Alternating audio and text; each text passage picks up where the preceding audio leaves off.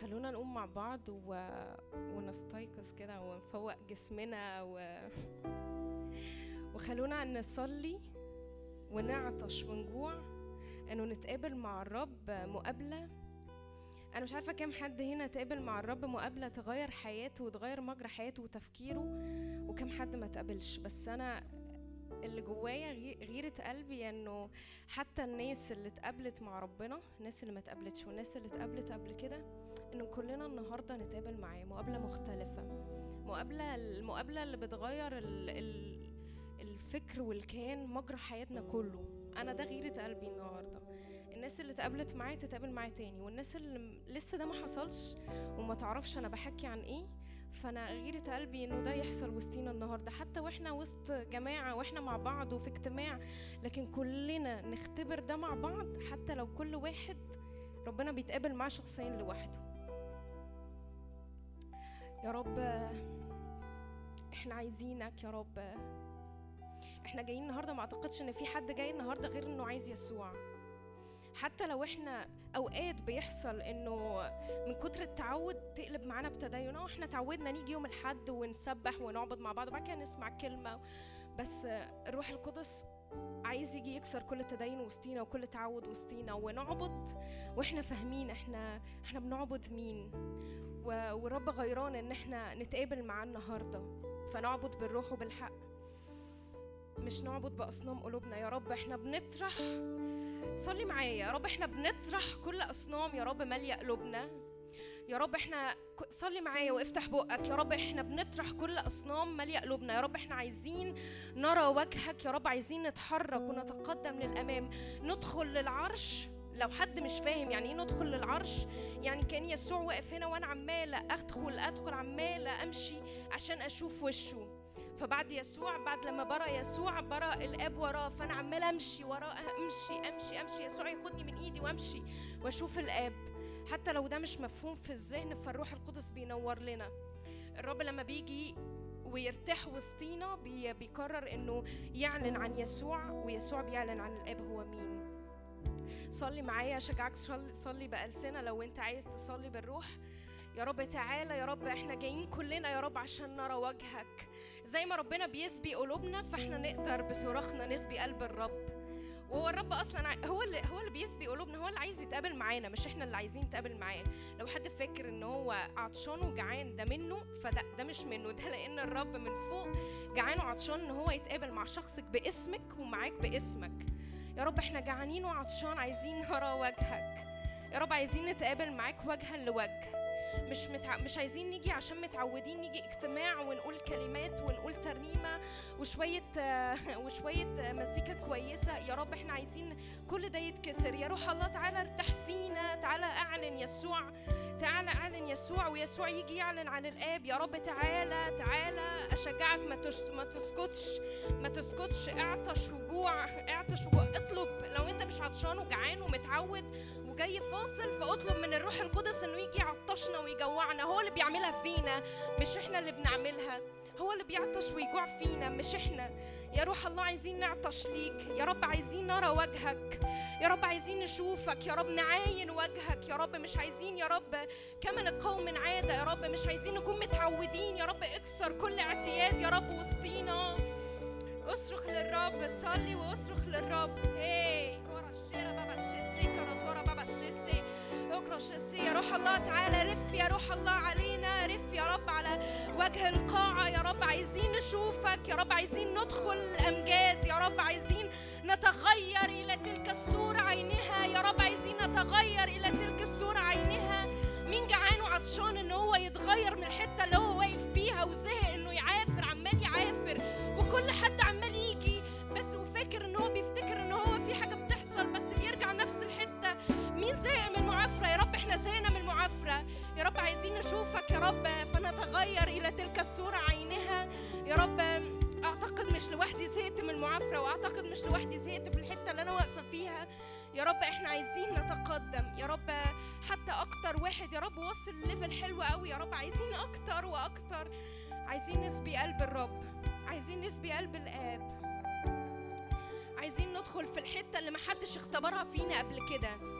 حتى الاجتماع ما اختبرهاش قبل كده. يا رب عايزين ندخل في الحتة يا رب اللي انت عايز تدخلنا فيها مش إحنا اللي عطشانين. يا بابا انت اللي عايز تدخلنا في الحتة دي. هيك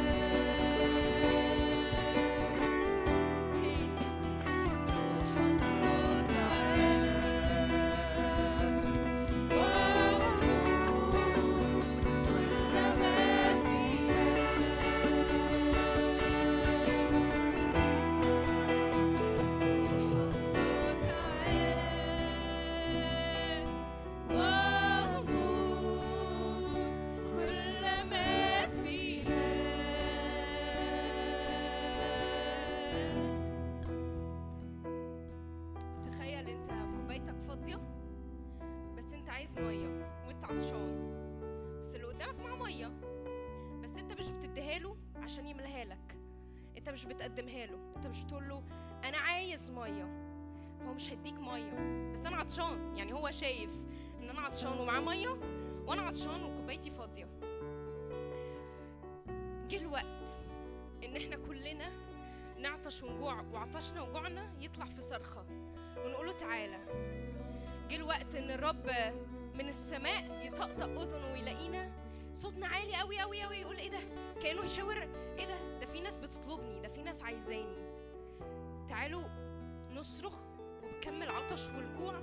على فكرة أنا لو عطش يجوعي خمسة في المية وبنادي على ربنا الروح القدس بيجي عطش تسعين ومية المية وبتلاقي الرب عمال يسكب ويسكب ويسكب زي غمر ينادي غمر زي ما بنقول. وعمال يسكب ويسكب. فجه الوقت ان نقول له وإحنا عايزين وإحنا مدركين ان إحنا عايزين مش مجرد كلمات. جه الوقت إنه نصرخ من أعمق حتة في قلوبنا يا روح الله تعالى تعالى. اغمرنا اغمرنا اغمرنا. تعالى. روح الله.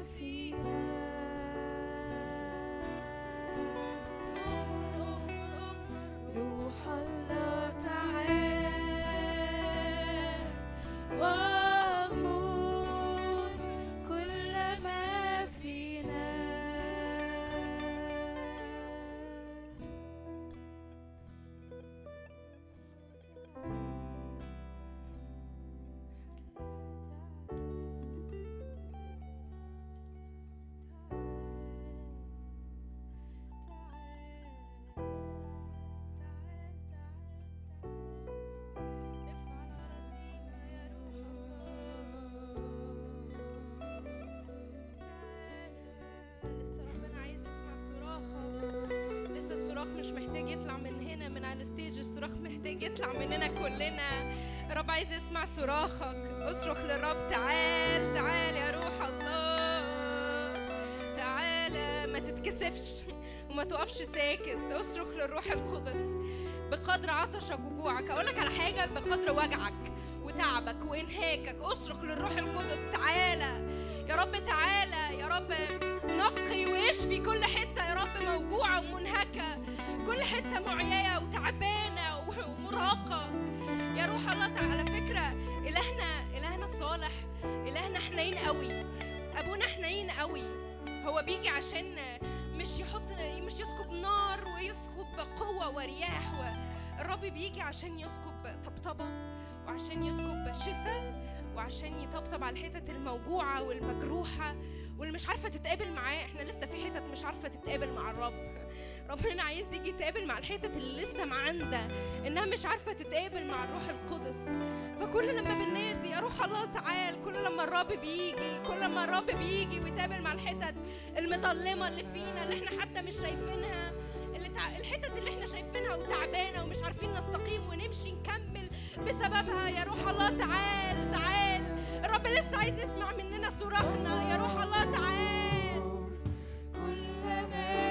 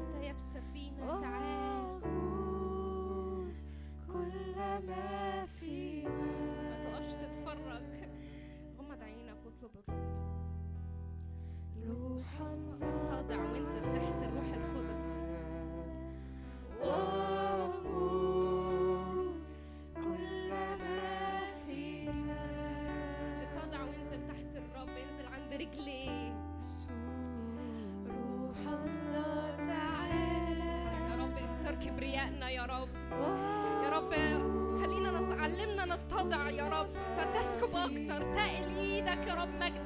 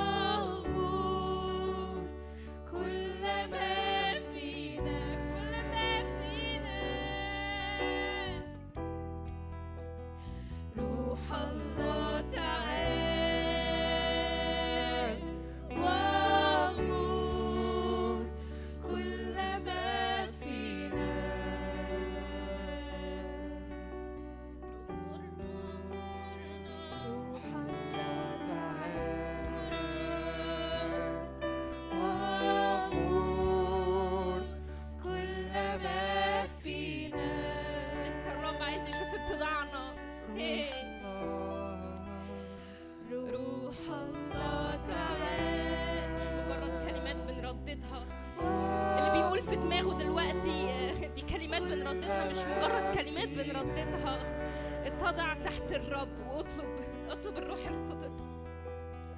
اطلب الروح القدس. الرب عايز يجي يطبطب الاب عايز يجي يطبطب الاب عايز يجي يطبطب علينا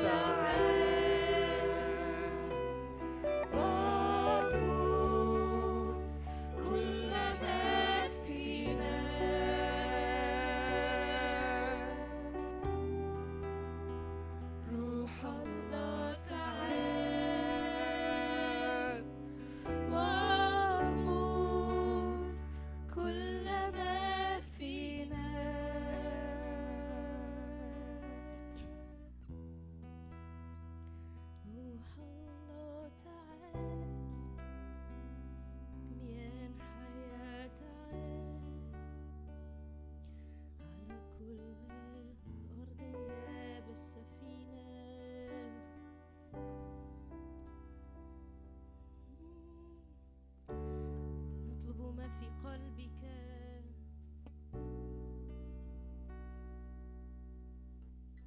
تعالى تعالى تعالى. أنت كل ما نحتاج. لو فاكر أنت لسه في حد أو أو حاجة محتاجها غير الرب فإحنا مش محتاجين غير الرب. أنت كل ما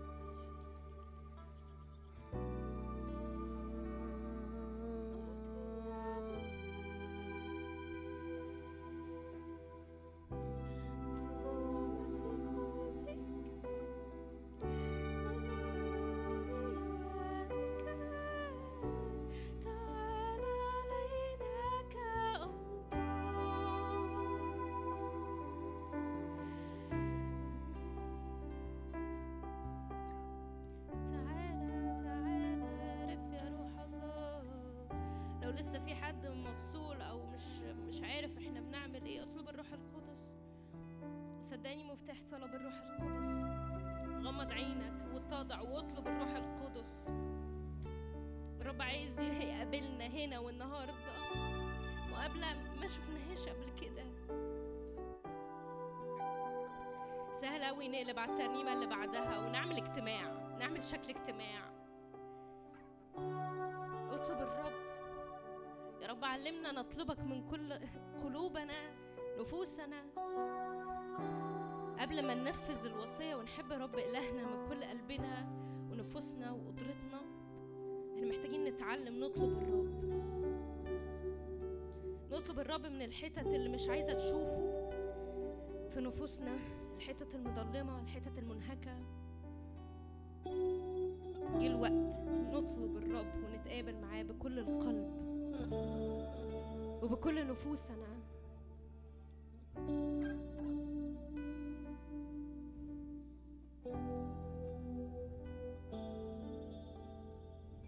ولسه جوا ذهنك محدودية.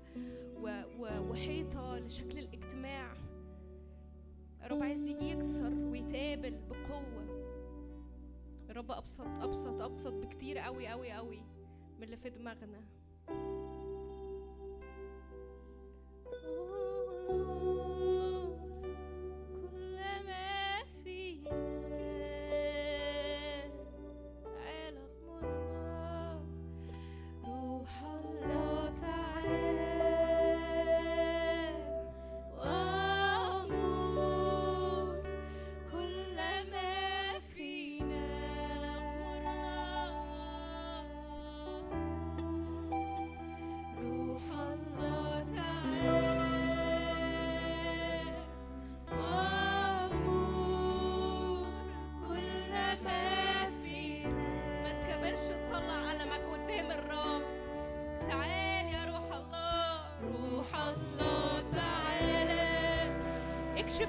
كله اكشف قلبك كله.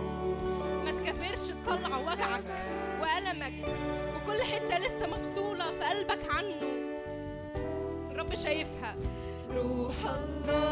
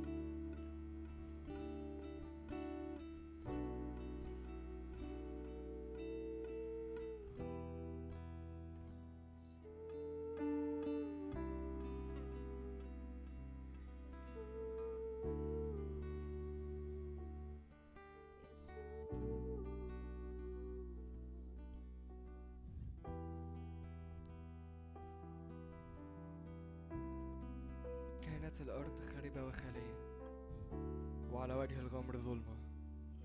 وروح الله يرف على وجه المياه. وقال الله ليكن نور فكان نور.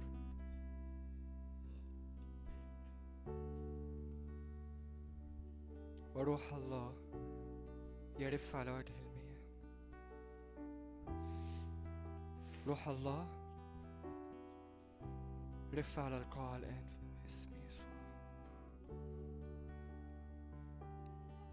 كل خلاء كل خراب الله أصدر حكم ليكن نور. ليكن نور.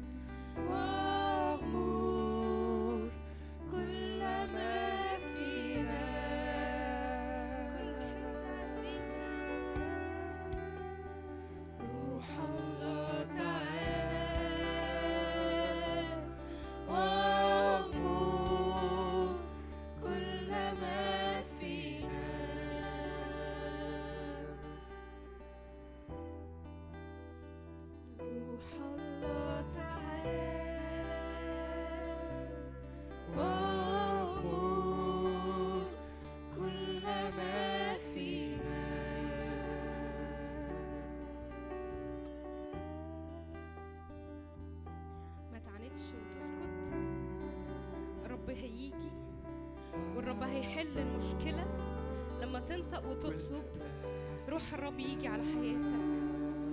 مش عارفة أنا شعرة الكلمة دي لحد بشكل شخصي. ما تعاندش وتسكت وتقول أنا مش هنطق غير لما تيجي تحل المشكلة. الرب جاي يحل المشكلة لما تطلبه. إيه؟ رب عايز يسمع صوتك. رب بيحب يسمع صوتك. معرفش الكلمة دي لولد ولا بنت بس الرب بيحب يسمع صوتك وانت بتطلبه.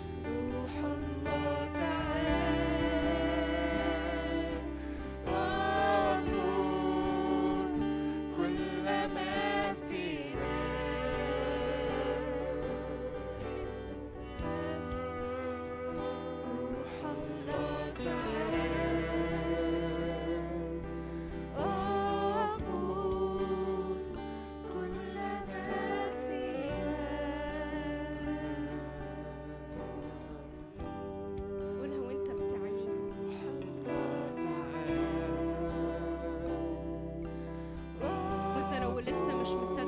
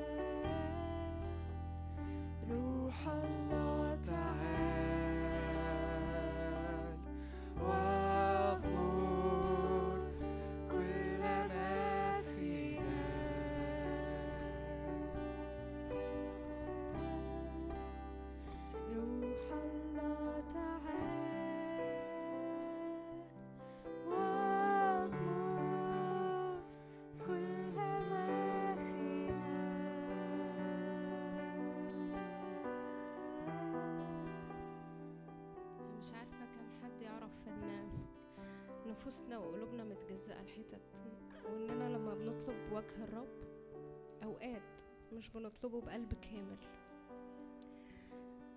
ف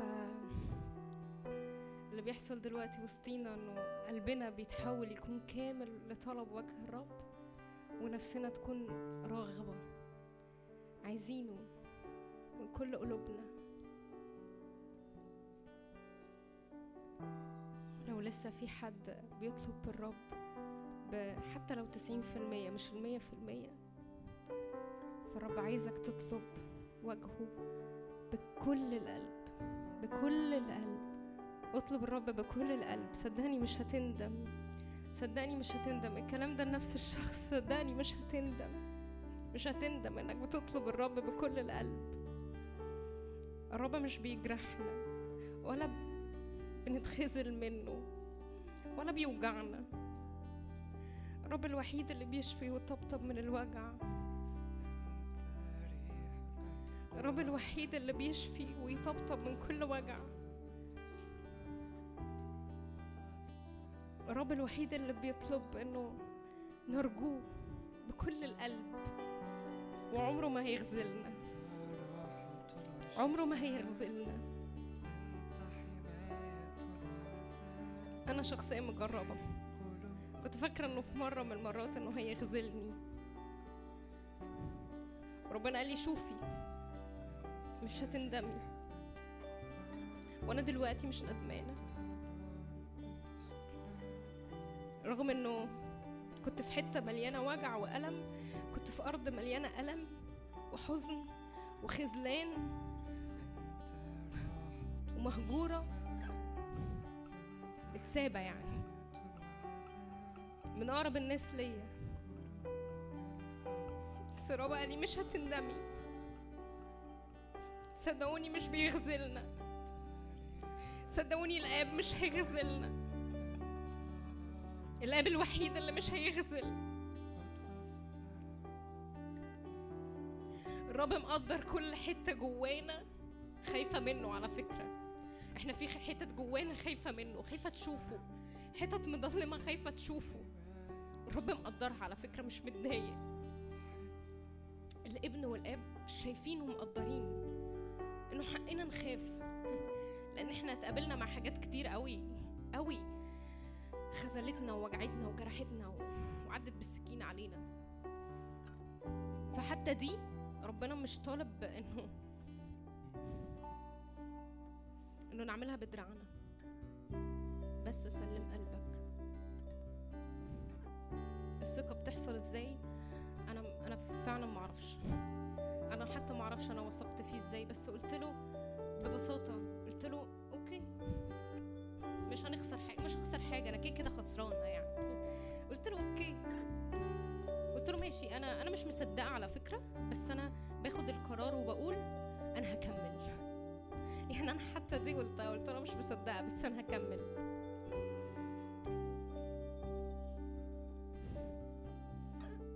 وعشان أكون أمينة يعني أنا ما شفتش الماكسيمم بتاع حب الرب و... ونبع الرب والحاجات الحلوة قوي قوي قوي اللي إحنا بننادي عليها. عشان أكون أمينة لسه. لسه في أقل من نص السكة. بس أنا قادرة أقول انه هو لسه مخليني لحد دلوقتي موجودة هنا ودلوقتي. مش بس مجروحة لا أنا بتشفي وموجودة وأنا قادرة أقول أنت صالح. حتى وأنا وأنا موجوعة بس بقولها له أنت صالح. وهو مكمل يقول لي صدقيني ما تخافيش.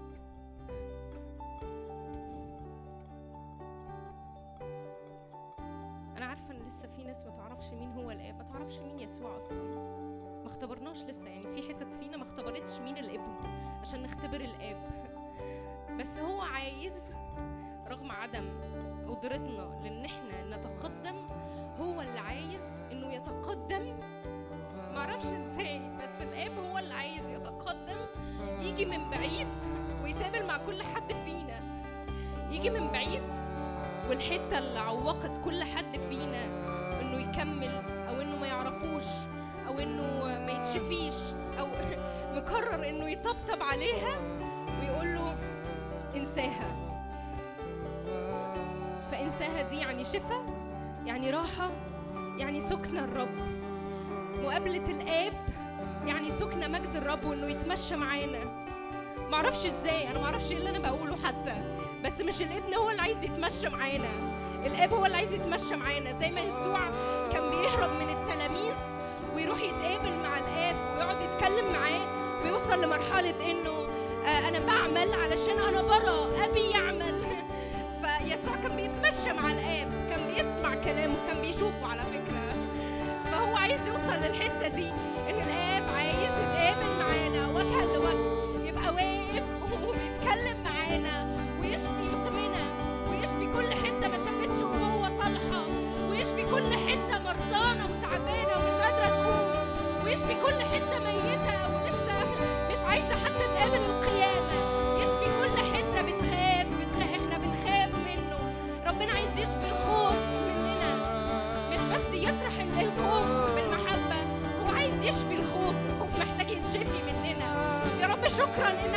تشفي الخوف مننا.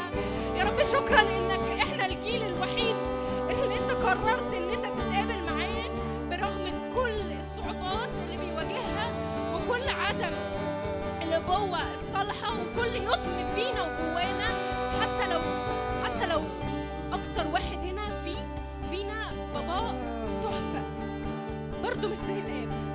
برضه مش زي الآب. برضه مش زي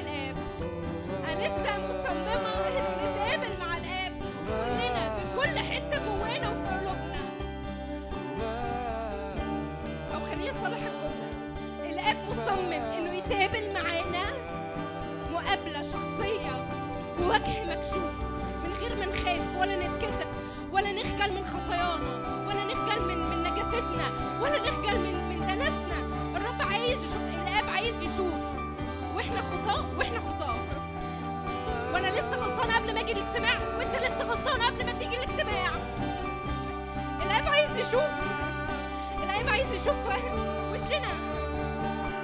تخيلوا خالق الكون العالم كله. عايز يشوفك بشخصك. بوجه بوجهك. عايز يشوف قلبك وهو كامل وانت حاطه ما بين إيدك عشان تتقابل معاه. القلب ما يكونش فيه حتة لسه مفقودة فيها طلب للنجاسة.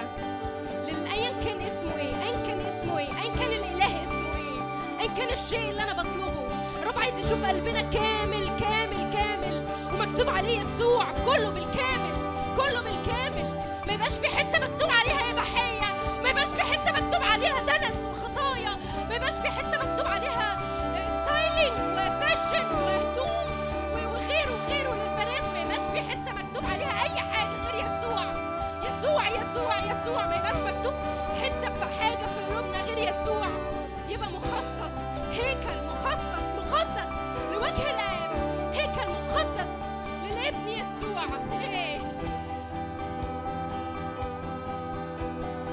دي معجزة.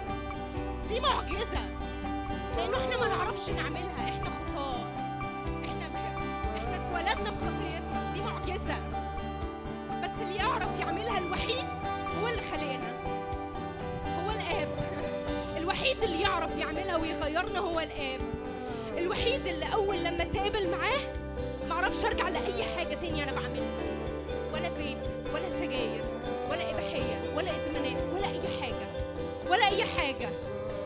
ولا أي حاجة ولا أي حتة بعافر فيها حتى قعدتي على الإنترنت اللي بتاخد بالساعات ولا أي حاجة.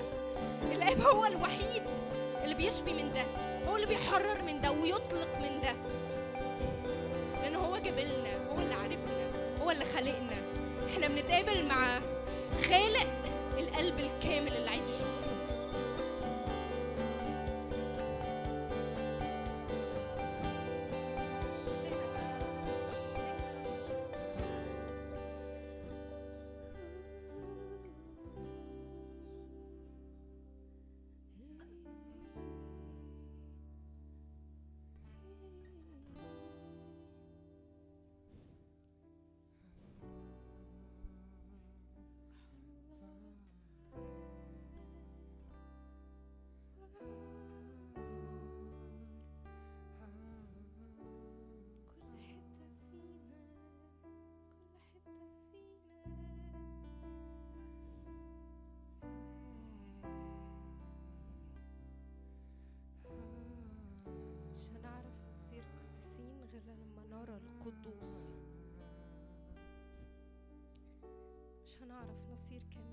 في وجهه غير لما نشوف القدوس.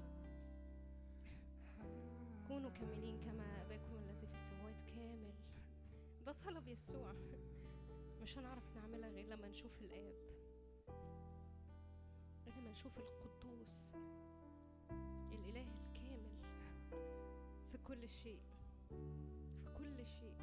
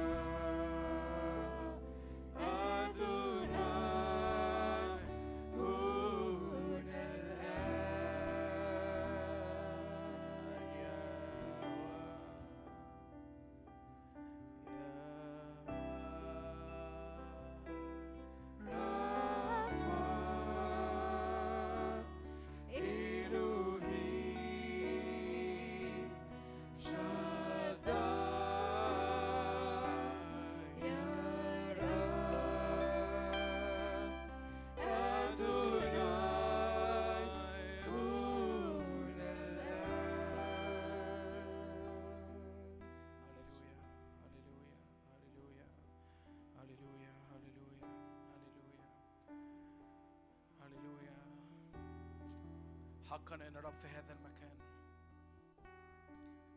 ما أرهب هذا المكان. ما هذا إلى بيت الرب. ما هذا إلى باب للسماء. هللويا. هللويا. هللويا. هللويا. هللويا. هللويا. هللويا. شجعك كده تقابل مع الرب. شجعك دي أوقات تدخل كده إلى قدس الأقداس. تقف أمام الرب. هللويا. تشبعش من الرب ما تشبعش ما تشبعش من الخير. تشبعش من طبيعته. هللويا. الروح يتحرك في حرية. ارفع إيدك كده على حياتك قول يا رب أنا بستقبل. هللويا.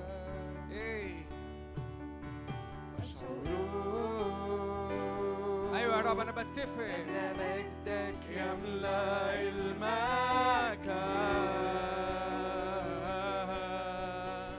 شيء عظيم يحدث الآن. إيه، الروح الروح يتحرك بحرية.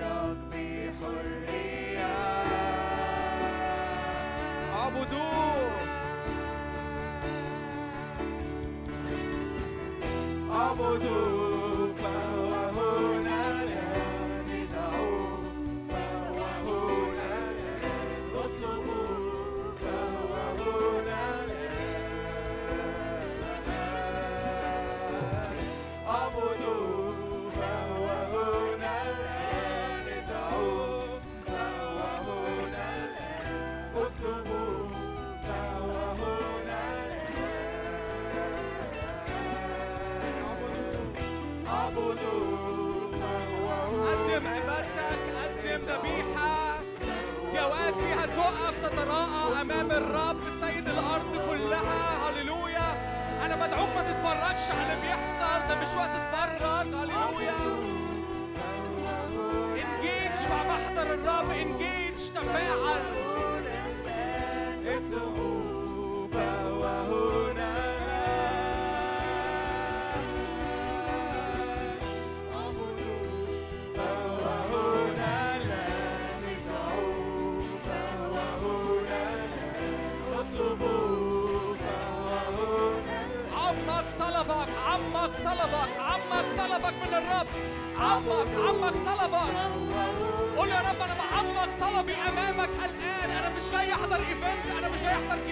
不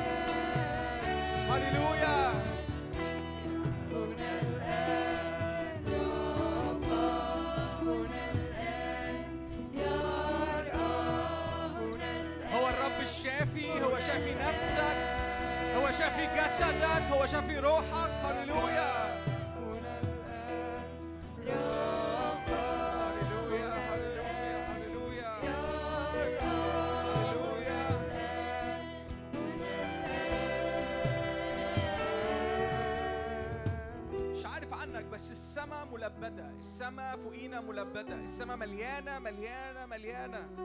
مليانة إعلانات لولاده. مليانة إعلانات لولادي ليا وليك. في إعلانات متنوعة ومختلفة. النهاردة بتتسكب عليا وعليك. إحنا مش مستعجلين. إحنا مش جايين نعمل اجتماع. إحنا مش جايين نلعب كنيسة. إحنا مش جايين نعمل حدث. إحنا جايين نطيع الرب.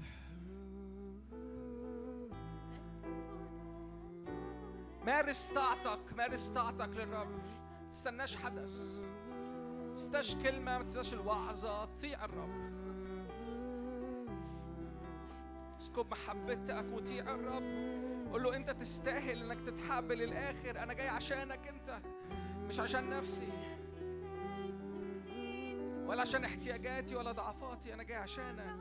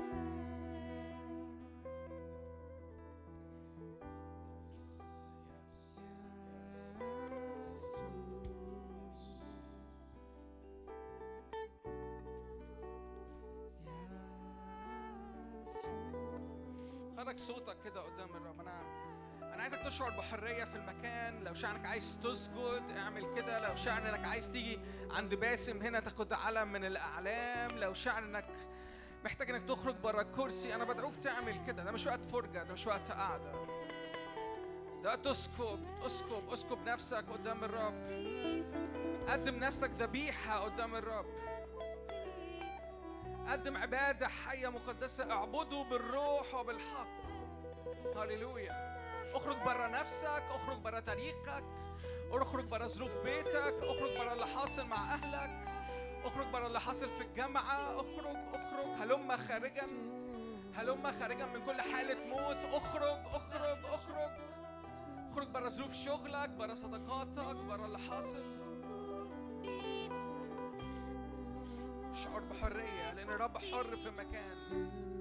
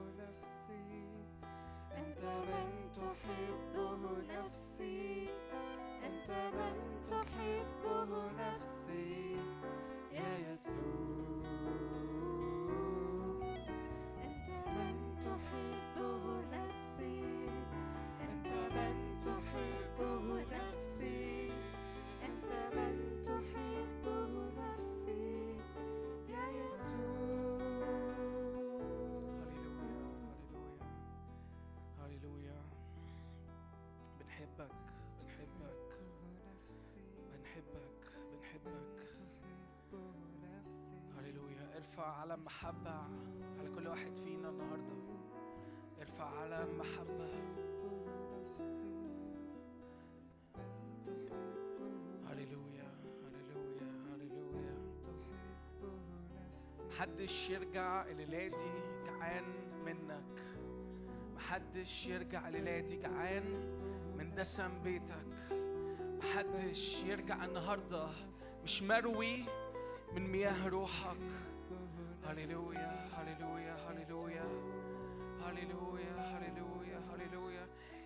فليشهد الجميع فليشهد الجميع أن الرب صالح فليشهد الجميع أن الرب صالح أن الرب محب جدا أن الرب أب محب جدا. هللويا. يا رب تجعل في أفواهنا شهادة عن صلاحك عن جودك عن محبتك. هللويا هللويا هللويا هللويا. مبارك اسمك. مبارك اسمك من الآن وإلى الأبد. أمين. أمين. روز تقريبا شاركت بكل حاجة أنا عايز أقولها. فتقريبا يعني أنا مش هاخد وقت خالص بس أنا فارق معايا فعلا أروح عامله في وسطينا. مش عارف عنك أنت شايف إزاي اللي حاصل دوا آم، بس فعلا اللي حاصل ده سوبر ناتشرال اللي حاصل ده معجزي جدا. اللي حاصل ده على مستوى الرب. مش عارف انت بتتعامل مع الأجواء دي إزاي. مش عارف نفسيتك تتعامل إزاي مع اللي حاصل دوا. أو ذهنك بيستقبل إزاي اللي حاصل دوا. بس بجد إحنا إلهنا حي. إحنا إلهنا حي. إحنا مش بنعبد إله ميت. إحنا مش بنعبد إله بين الأموات. حي هو الرب الذي نحن واقفون أمامه.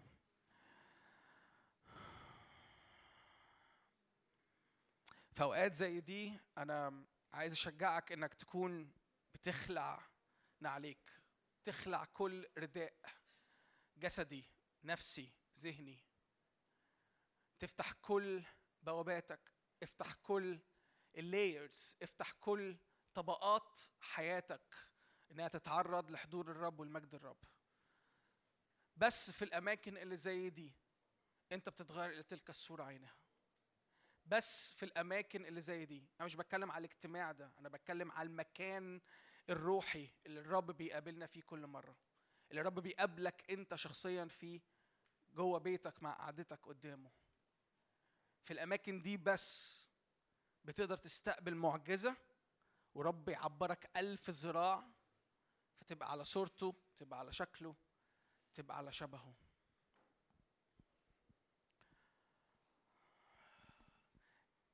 افتح معايا كده مزمور 73 أنا مش هوعظ كتير. زي ما بقول لكم كده كنت محضر وعظة كبيرة طويلة. بس روز قالتها تقريبا كلها thank you يا روز. ميرسي إنك بتطيع الرب. وميرسي إن انت aligned مع روح الرب.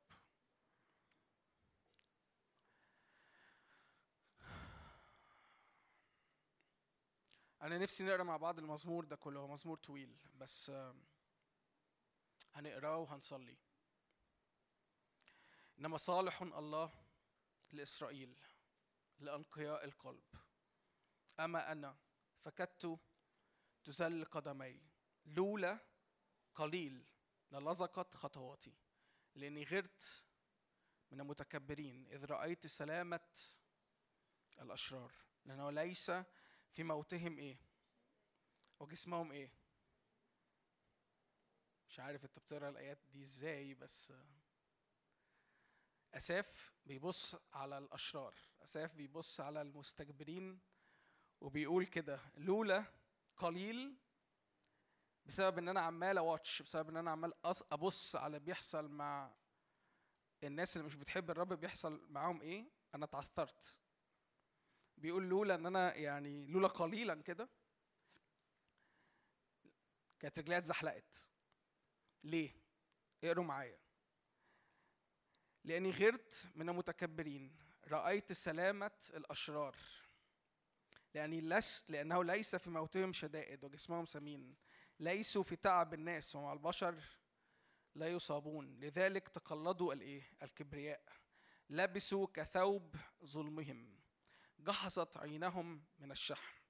جازوا تصورات القلب. يستهزئون ويتكلمون بالشر ظلما. من العلاء يتكلمون. جعلوا أفواههم في السماء وألسنتهم تتمشى في الأرض. لذلك يرجع شعبه إلى هنا وكمياه وكمياه مروية يمتصون منهم. وقالوا كيف يعلم الله؟ وهل عند العلي؟ أنتوا بتقروا معايا؟ ولا بتسمعوني؟ ماشي أنا عايزكم تقروا معايا. عايزكم تقروا معايا. قالوا كيف يعلم الله؟ وهل عند العلي معرفة؟ وهذا هؤلاء هم الأشرار المستريحين إلى الدهر. يكثرون إيه؟ أساف داخل بيحكي معاناة عنده بيحكي بين بيحكي مرارة في قلبه. داخل بيقول يا رب إزاي الأشرار شكلهم بخير؟ إزاي يا رب الناس اللي بتستهزأ بيك؟ إزاي يا رب الناس اللي بتتكلم بكل كبرياء؟ بيموتوا موتة لذيذة. إزاي؟ أنا عجبني جدا اساف وعجبني جدا المزمور ده لأنه عارفين ليه؟ لأنه حقيقي مع الرب. لأنه مليان مليان مليان من طبيعته وما عندوش مشكلة إنه يسكب ويقول هو أنا مين قدام الرب ويحكي الفرستريشنز بتاعته يحكي صراعاته الداخلية قدام الرب. ما عندوش أزمة إنه يجيب جرأة يقول له يا رب أنا أنا لولا القليل جدا لكانت رجليا دي اتزحلقت وبقيتش عارف أبص عليك. اقرا من عدد 13 حقا قد زكيت قلبي باطلا وغسلت بالنقاوة يدي وكنت مصابا اليوم كله وتأدبت كل صباح. لو قلت أحداث كهذا لغدرت بجيل بنيك. أنا لو قعدت أكمل كده أنا ممكن أعمل إيه؟ أغدر بجيل. أنا لو قعدت أكمل أحكي اللي أنا شايفه في الواقع أنا ممكن جيل كامل يتغدر بيه مني من كلامي. أنا لو قعدت أحكي عن قد إيه أنا شايف ظلم قدامي بيحصل أنا ممكن جيلي يضيع مني. بس كمل معايا. فلما قصدت معرفة هذا هذا هو إيه؟ تعب في عيني. لما قصدت إني أعرف المعرفة دي حصل إيه؟ تعب فيا. ما أعرفش عنك بس أنا عارف إن فينا ناس كتير قوي بتبص كده على العالم وعلى اللي بيحصل فيه إزاي ممكن يكون حد ما يعرفكش يا رب وناجح؟ إزاي يا رب ممكن يكون حد ما يعرفكش ومش ابنك وصحته كويسة قوي وإحنا اولادك بنعيا وإحنا اولادك بيحصل لنا. وإحنا اولادك بيجي لهم كذا وكذا وكذا. إزاي يا رب اولادك ما بيترقوش في الشغل؟ إزاي يا رب اولادك أنا بقى ابنك وأنا عارف ان ميراثي اني اعرفك واني مش بس اعرفك ان أنا اخد كل ميراثي فيك لأن أنا ابنك وما بيحصليش. بس الناحية التانية حد تاني باين قوي منور وعمال يحصل له كل حاجة شكلها خير. مش غريبة دي؟ آساف هنا ببساطة داخل قدام رب مش مكسوف إنه يقول له ال frustration ده مش مكسوف ولا بيتصنع ولا بيمثل ولا بيحاول يقول حاجة مش اللي هو حاسس بيها. أنا فاكر كويس قوي مرة جيجي عوني جت هنا قريب وكانت بتتكلم عن إزاي إن داوود كان بيجي يحكي في المزامير مرارته قدام الرب ودي كانت واحدة من المفاتيح اللي مخلياه قادر يترقى قدام الرب إنه كان على حقيقته قدام الرب. حتى في وقت المرارة هو مش داخل ي perform هو مش داخل يعبد الرب ولا يسبح الرب ب performance هو داخل بكل اللي على قلبه قدام الرب. بس خلي بالك خلي بالك خلي بالك. مش معنى إنك تبقى حقيقي قدام الرب إنك تفضل عينيك على الحاجة اللي أنت داخل بيها وبس. مهم قوي إنك تدرك إنك في محضر الرب وأنت قدام الرب وأنت بتقرر إن أنت تكون في الحالة دي اللي اسمها حقيقي. خلي بالكم إحنا جيلنا كلمة حقيقي دي بالنسبة له كلمة كبيرة قوي صح؟ انك تكون حقيقي دي كلمة مهمة قوي. المصداقية متهيألي هي اللغة اللي أنتوا بتتعاملوا بيها. متهيألي انه لو انت مش حقيقي أنا مش هتعامل معاك. متهيألي ده بقت لغة الجيل دوا انه الحد اللي مش حقيقي أنا مش هتعامل معاه. الحد اللي بوشين أنا أكيد ببعد عنه لأنه بيعمل إيه؟ لأنه بيجرح لأنه بيصعب الدنيا لأنه بيقول كلام قدامي وبيرجع الناحية التانية يعمل إيه؟ أفعال تانية تقول كلام تاني خالص. فأكيد ده شخص مش مريح. وأنا مقتنع معاكم بده. وكتير قوي من جيلنا بيقف يقول أنا عايز أبقى حقيقي قدام الرب. أنا عايز أبقى حقيقي قدام الرب. بس كتير قوي مننا بيفتكر إن الحقيقة بتاعته أو إن دخوله إنه يبقى حقيقي قدام الرب ده كأنه اكسكيوز إنه يفضل باصص على المرارة ايا كان نوعها إيه. ايا كان أصل المرارة إيه. لو اصل المراره زي أخونا أساف هنا إنه باصص على اللي بيحصل في العالم وشايف إنه في حاجة بتحصل كده شكلها ظلم شكلها مش طبيعي شكلها غريب مش منطقي مش بمنطق الله. أو حتى لو هو طالع من أي قصر مراره تاني ممكن طلع من أي مشكلة تانية سواء مشاكل في البيت سواء مشاكل عند أي حد فينا بيواجهها. القصة كلها إنك تقف قدام الرب بتقول له أنا حقيقي قدامك عشان أنا عايز حقيقتك فيا. مش كفاية إنك تقف قدام الرب وتقول له ها أنا ذا أنا داخل لك بالحقيقة بتاعتي. ما تكتفيش بده. This not enough. ده مش كفاية ده مش كفاية. لأن أنت المفروض وأنت داخل قدام محضر الله أنت جاي تتعرض للحقيقة بتاعته هو. أنت آه بتكشف حقيقتك قدام الرب لأن أنت مش مطالب خالص إن أنت تقف تتصنع قدام الرب ولا تمثل ولا تبرفورم ولا ولا تعمل شكل تديني قدام الرب. يس بس أنا جاي النهارده أقول لك غير وجوع قوي إنك تستقبل وسط الحقيقة اللي أنت بتعدي فيها. حقيقة الله حقيقة بابا الآب. كون متواضع انف كون humble enough إنك تقول له يا رب ها أنا ذا بجد. مش وأنت متمسك بأصل المرارة ايا كان نوعها ايا كان مصدرها ايا كان السبب بتاعها. ما تسيبش عدو الخير يضحك عليك ويقول لك انت كل المطالب بيه انك تخش تتشحتف قدامه لأن ده طبيعتك ده حالك. ولما تخش تشحتف قدامه هو قلبه هيحن. هو اوريدي قلبه حن. هو حنين قوي. هو بيحبك قوي. هو مليان حنية اتجاهك. هو عايز يسكب عليك. هو عايزك تشبع. دي طبيعته. ده هو. دي حقيقته.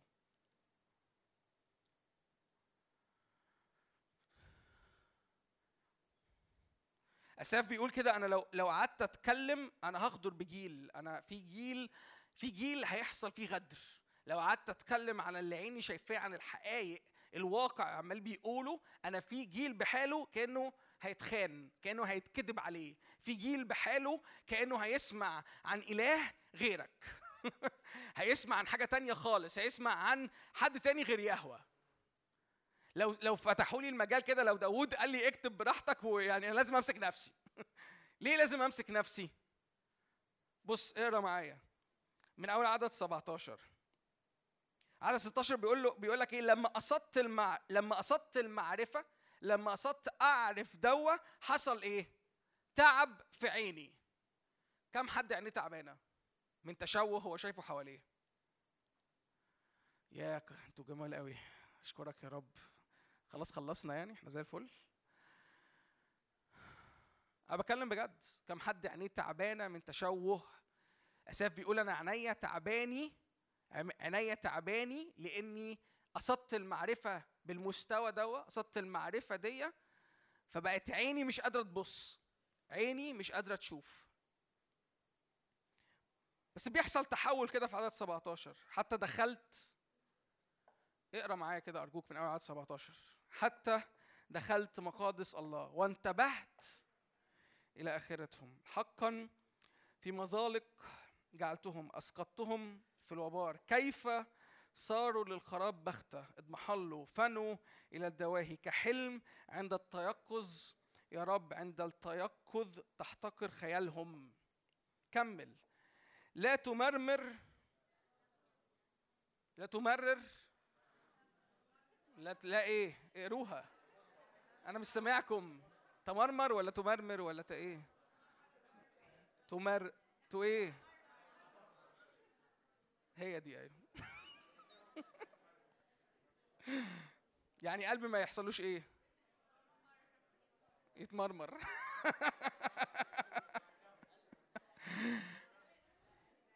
أيوه ما أنا قلت لأنه إيه؟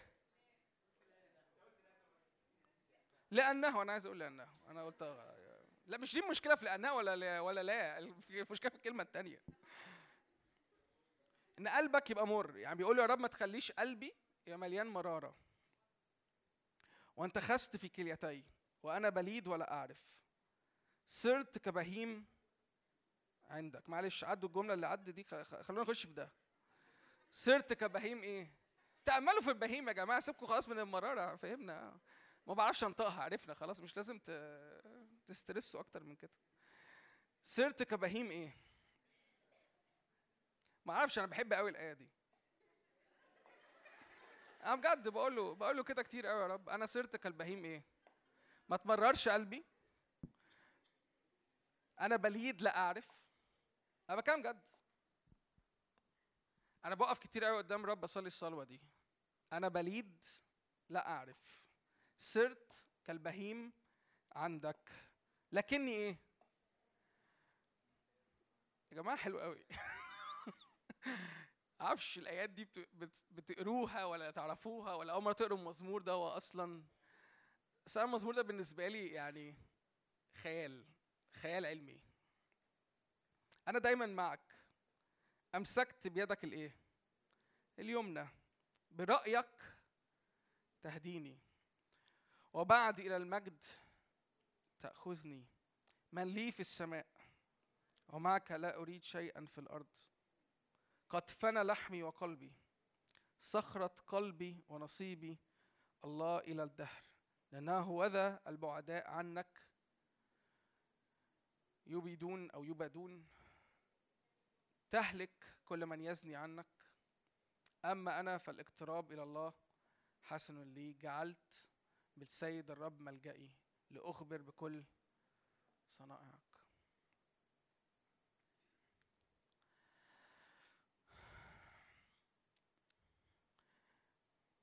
أم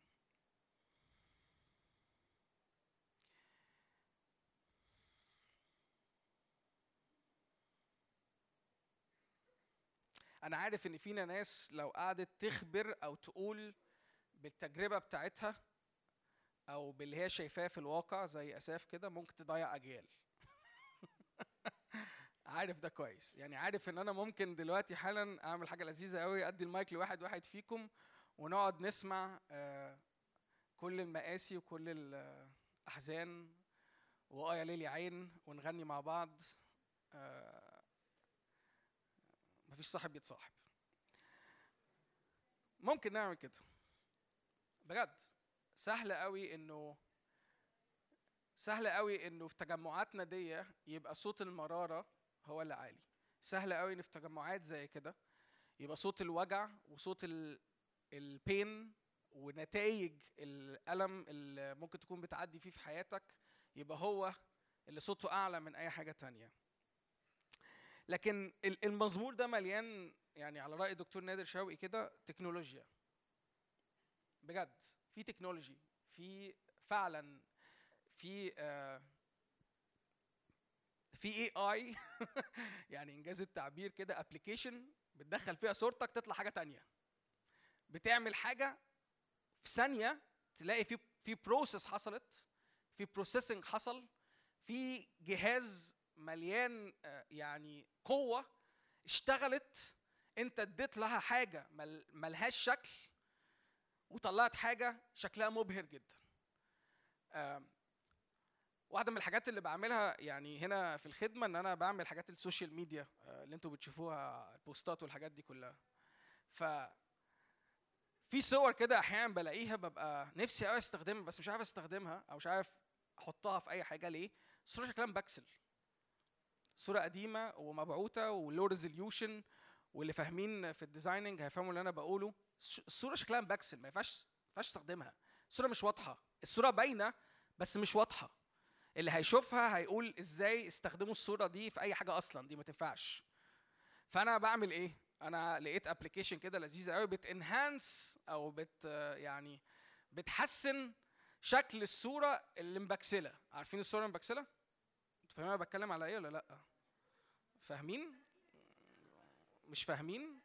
فاهمين؟ طب الحمد لله الحمد لله. من مميزات خدمة الشباب ما أقدرش أقول الكلام ده قدام حد كبير هي- هيضحك عليا.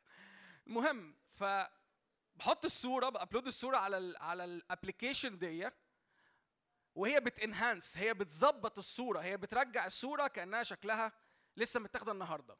بترجع ال quality بتاعت الصورة كأنها quality جديدة brand new كأنها لسه صورة متعاملة النهارده متصورة النهارده أو كأنها صورة لسه ال designer مطلعها النهارده من الفوتوشوب. التكنولوجيا اللي في في في المزمور دوا هي من أول عدد 17 حتى حصل إيه؟ حتى دخلت. أنا كنت في صورة أنا كنت في مشهد أنا كنت في منظر الصورة مبكسلة. الشكل مبكسل. أنا مش عارف أطلع ملامح للصورة دي ولا ينفع أستخدمها ولا ينفع أحطها في أي منظر ولا أحطها في شكل ولا أحطها في أي حاجة. لكن بيحصل مرة واحدة في عدد 17 إنه بتحصل إنه ال enhancement بيحصل processing للصورة دي ويحصل enhancement فتقدر تشوف الحقيقة بتاعت الصورة.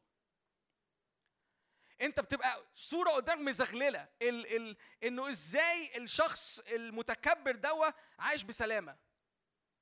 إزاي بيمارس شر وشكله حتى عمال يعني أنا عاجبني أساف قوي في تعبيراته سمين يعني بيقول لك ده واحد عمال يتخن عمال يهبر وياكل ويتخن ولا فارقه معاه الدنيا ولا فارق معاه أي أخرة ولا فارق معاه حساب ولا فارق معاه انه الله ده ممكن يكون بي هو بي كأنه حتى كشخص بيجيب أحكام على نفسه ولا بيمارس خطية ولا بيجرح اللي حواليه ولا فارق معاه أي حاجة وعمال يتخن عمال يكبر عمال ينتفخ في كل شر عمال يزيد في الشر بتاعه وكأنه مفيش حاجة بتوقفه. يعني التعبير اللي حطه أساف هنا بجد بجد زي ما بجد تاخد صورة مبكسلة ما ينفعش تستخدمها في أي حاجة.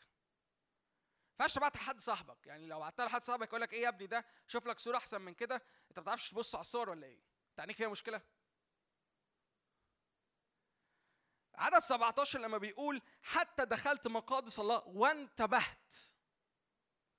الانتباه هنا كأنه الرب سكب فهم على حياته. على حياة أساف في اللحظة دي. كأن الرب وراه الصورة لما دخل إلى مقادس مقادس الرب كأنه لما دخل إلى هذا المكان حصل الانهانسمنت بتاعة الصورة فشافها فانتبه. حصل فهم حصل إدراك لمستوى جديد في ذهنه وفي استيعابه الروحي فقدر يشوف الصورة الحقيقية وقدر يشوف ال applications اللي ممكن يستخدم فيها الصورة دي. بقية ال applications هو كاتبها هو ابتدى يشوف بقى إزاي إنه في judgment على حياة الناس دي. هو في الأول ما كانش شايف judgment في الأول ما كانش شايف في قضاء على الناس دي وعلى أفعالهم. ابتدى يشوف في مقدس الله لأ هو في جادجمنت سيبك من ال... من القصة بتاعت أساف. أنا عايزك تركز على قصتك أنت. لأن الموضوع اللي كان يخص أساف قصة لكن مواضيعنا إحنا كتير قوي. ومواضيعنا إحنا واسعة قوي.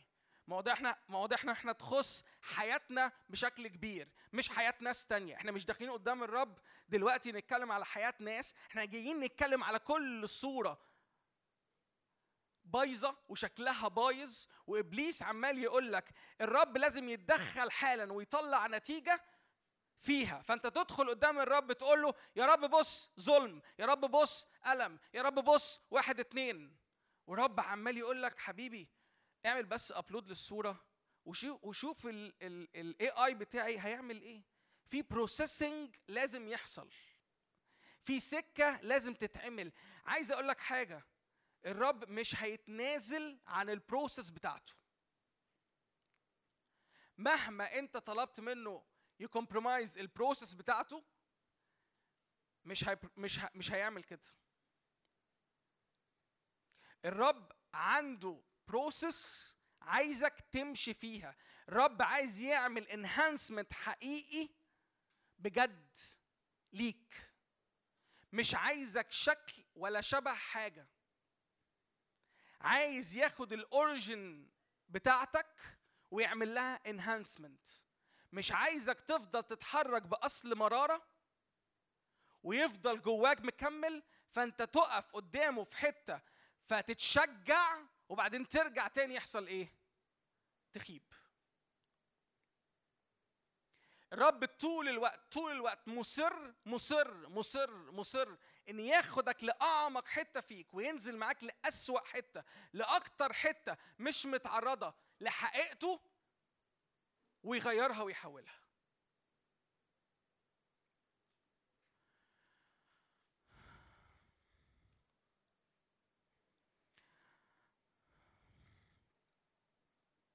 افتح معايا ملوك الأولى.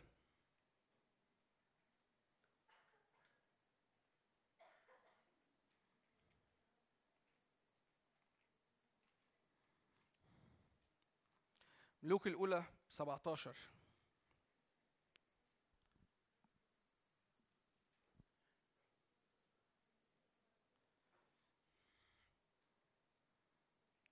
الصح ده بيتكلم عن إيليا و وقت ما راح لأرملة صرفة فاكرين القصة دي؟ عارفين القصة دي؟ مفيش غير صوت بيرد عليا مونيكا بس اللي عارفة القصة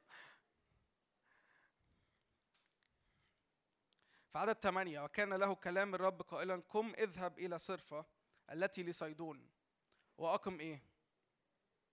أنتوا بتقروا معايا؟ ماشي اقروا معايا القصة اقروا معايا القصة ركزوا معايا اقروا معايا القصة. فقام وذهب إلى إيه؟ صرفة وجاء إلى باب المدينة. خلي بالك في عدد اللي قبليه كان بيقول إيه؟ قد أمرت هناك امرأة أرملة أن إيه؟ أنا لو من مكان إيليا أنا رايح أعمل حسابي على إيه بقى؟ واحدة أرملة بس ورثة مستريحة بقى معاها فلوس بقى هتعولني. يعني شكرا يا رب. أنا كنت في وقت صعب. أنت قلت لي قوم روح لواحدة. هي أرملة بس هتعولك. هللويا مجدا للرب. أنا رايح بقى على فيلا فيها بول بقى. أتوقع بقى دلع. يعني صح؟ جميل. كمل معايا.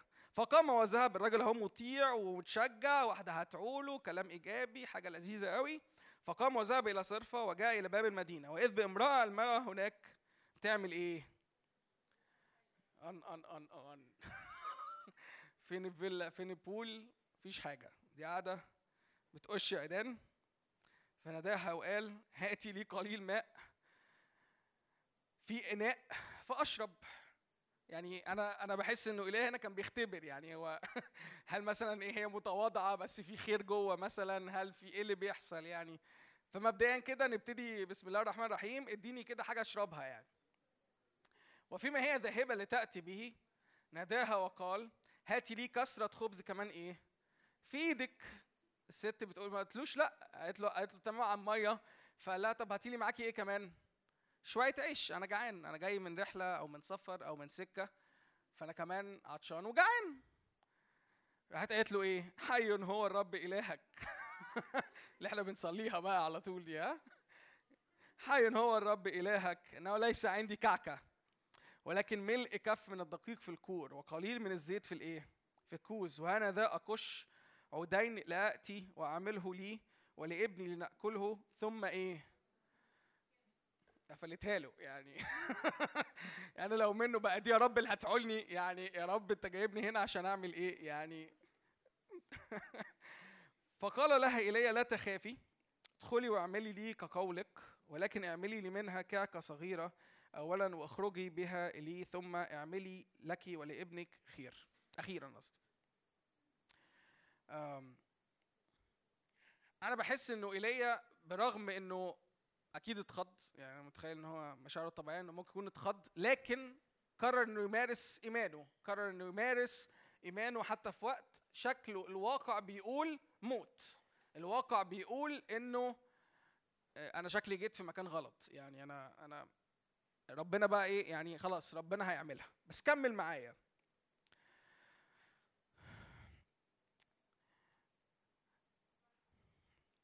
من أول 14 إنه هكذا قال الرب إله إسرائيل إن كورة الدقيق لا إيه لا يفزع وكور وكوز الزيت لا ينقص إلى اليوم الذي فيه يعطي الرب مطرا على وجه الأرض. فذهبت وفعلت حسب قول إيليا وأكلت هي هي وهو وبيتها اياما. كور الدقيق لم يفرغ وكوز الزيت لم ينقص حسب قول الرب الذي تكلم به عن يد إيليا. أنا متهيألي إيليا إيليا هنا في الوقت ده قال أشكرك يا رب ال- المعجزة أنت جبتني خلاص كده أنا فهمت إن أنا ما جيتش لواحده يعني معاها فلوس قد كده هي اللي هت- هترعاني شكلي أنا أنت جايبني أعمل هنا إيه؟ معجزة. مجدا هللويا شكرا يا رب أنت عملت المعجزة. حلو قوي المستوى ده. يعني ده مستوى جميل خلاص ربنا سترها. انت قلت لي هعمل حاجة طيعتك. آه انت اديتني ايمان انه كوز الدقيق كوز الزيت ده لا يفرغ وكرة الدقيق دي لا تفرغ فهللويا. ادينا إيه؟ ماشيين بالمعجزة. بس كمل معايا لأنه حصل مستوى اعلى من كده وحتى هتشوف ال frustration بتاع إيليا وهو بيتكلم مع الرب. وبعد هذه الأمور مرض ابن المرأة صاحبة البيت واشتد مرضه جدا حتى لم تبقى فيه نسمة. فقالت لإيليا مالي ولك يا رجل. مالي ومالك يا عم انت جيت تعمل إيه؟ هو انت جيت تجيب عليا خراب؟ انت جيت تخرب بيتي؟ انت جيت بمرض على ابني؟ مالي ولك يا رجل الله؟ هل جئت إلي لتذك... لت... لتذكير أثامي وإماتة ابني؟ هو انت جيت عشان تفكرني بخطيتي؟ انت جيت عشان تموت ابني؟ فقال لها اعطيني إيه؟ ابنك. واخذه من حضنها وصعد به العلية التي كان مقيم بها واتضع على سريره وصرخ. اقرأ معايا الكلمات دي عشان هي دي الحتة اللي أنا عايز أقراها. وصرخ إلى الرب وقال أيها الرب الإله أأيضا إلى الأرمرة التي أنا نازل عندها. قد أسأت بإماتتك أنت هتكسفني بقى ولا إيه؟ إحنا جايين يعني نسيء. اقرا الكلام هو الكلام كده أنا مش أنا مش جايبه من عندي. ده كلام ال... ده الكلام اللي قدامك زي ما هو قدامي أنا مش بخترع. انت بتقرا معايا ولا لأ؟ ولا بتكلم اللي جنبك؟ أنتوا بتنحين ليه؟ أنتوا في إيه؟ في حاجة معينة؟ ده حضور الرب اللي لسه قوي يعني يعمل لكم حالة سبات ولا ده إيه؟ الاجتماع ابتدى بقاله كام؟ أنا بقالي بتكلم نص ساعة. مالكم في إيه؟ هلو هلو هلو هلو هلو هلو صباح الفل. حد هنا؟ حد هنا؟ شكرا شكرا شكرا. مش عارف عنك بس بس ال- الموقف كله اللي عمال يحصل في البيت ده اكورد من أول ما ابتدى لحد آخر وقت فيه هو موضوع غريب. موضوع شكله مش طبيعي. شكله إنه أنا المفروض رجل الله أنا المفروض لما بخش في حتة الطبيعي إن المكان ده بيحصل فيه خير بركة الطبيعي إن المكان ده يحصل فيه حاجات كويسة حاجات لذيذة كأنه المفروض إنه أي حد أنا لو مكانه هبقى أنا مخضوض من اللي بيحصل مع الست. هو أنت جبتني هنا ليه؟ يعني تخيل أنت ربنا جابك كده النهارده قال لك إيه، يلا اطلع مؤتمر أسيوط مع مع اللي طالعين. حلو قوي فطلعت مؤتمر أسيوط مع اللي طالعين مع إنه صعب ومش سهل والمواصلات مش سهلة وهتروح بأتوبيس ولا هتروح بالقطر بس ربنا قال لك تروح فأنت طلعت الرب ورحت مجدا. هللويا. رحت بقى هناك لقيت اللي بيحصل كله شكله غريب. يا رب أنت جبتني هنا ليه؟ أنا مفصول أنا مش فاهم حاجة أنا أنا الناس دي غريبة أنا مش عارف أتعود على اللي بيحصل. ملطشة؟ فاللي بيحصل شكله غريب. اللي بيحصل شكله مش طبيعي. اللي بيحصل شكله إنه بدل ما أنا أكون جاي الطبيعي إن الرب عمل لي سكة قدامي فأنا جاي علشان أتنغنغ بقى بالخير وبكل حاجة أنا الست ماسكة فيا وعمالة تطلع لي مرارة وماسكة فيا كأني أنا الأمل بتاع حياتها مع إن المفروض أنا اللي محتاج أمل. أنا طالع المؤتمر ده عشان إيه؟ أنا أنا مستني ربنا يكلمني أنا مستني ربنا يملاني. بس تلاقي حد جاي جنبك كده أنت ما تعرفوش حاضر المؤتمر من حتة بعيدة وبيقول لك أنت شكلك كده أنا قلبي فتح لك. أنا جاي أحكي لك بقى.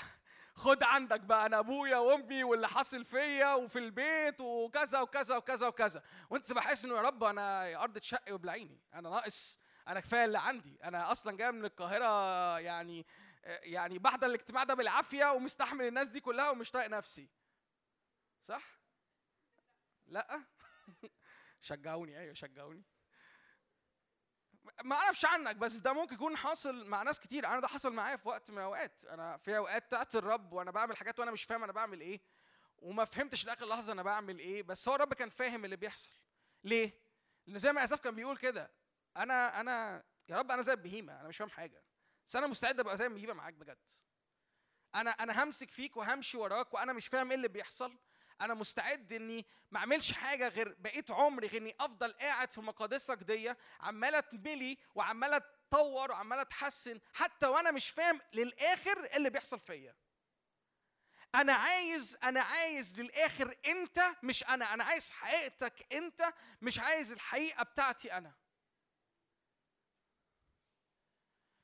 فتمدد على الولد ثلاثة مرات وصرخ إلى الرب وقال يا رب إلهي لترجع نفس هذا الولد إلى جوفه فسمع الرب لصوت إيليا فرجعت نفس الولد إلى جوفه فعاش. فأخذ إيليا الولد ونزل من العلية أنتوا عارفين بقية القصة.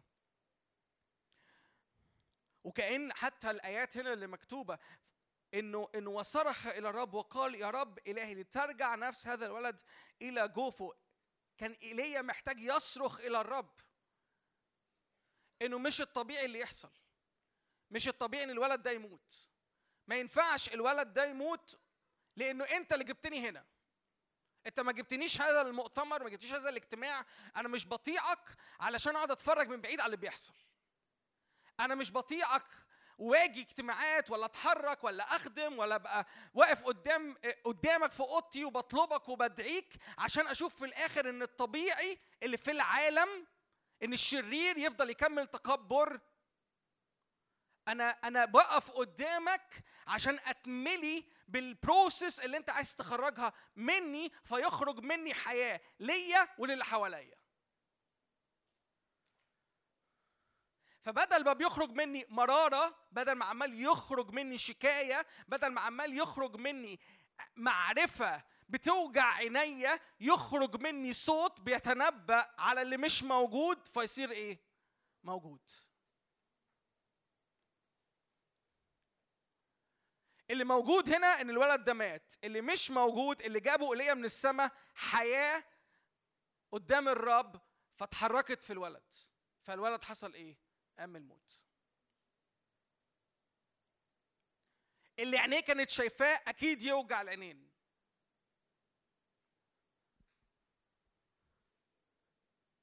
ولو كان لو كان قفل القصة على هنا كان ممكن زي أساف يقول ولو كملت آه، كتابة اللي أنا شايفه حواليا أكيد آه، جيل بحاله كان ممكن يضيع.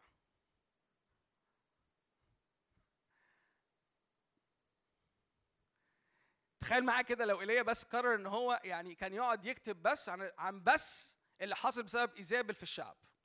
لو كان بس قرر إن هو يبقى مؤرخ تاريخي يكتب كده عن آه، آه، عبادة بعل اللي حاصلة وإيزابل وأخاب وده اللي حصل وده اللي اتسوى وأنا كده خلصت حياتي وشكرا للرب. أنا عملت اللي عليا. أنا كنت أمين في إن أنا دونت أو كتبت القصة بتاعت الأحداث اللي حاصلة. أنا ما حرفتش حاجة. اتفرجت على اللي حاصل وكتبته عشان بقى إيه الشعب من ورايا يتعلم بقى. الشعب يبقى يتعلم من الأحداث اللي حصلت ويتعظ. هما بقى يشوفوا هما هيعملوا إيه. أنا ماليش دعوة.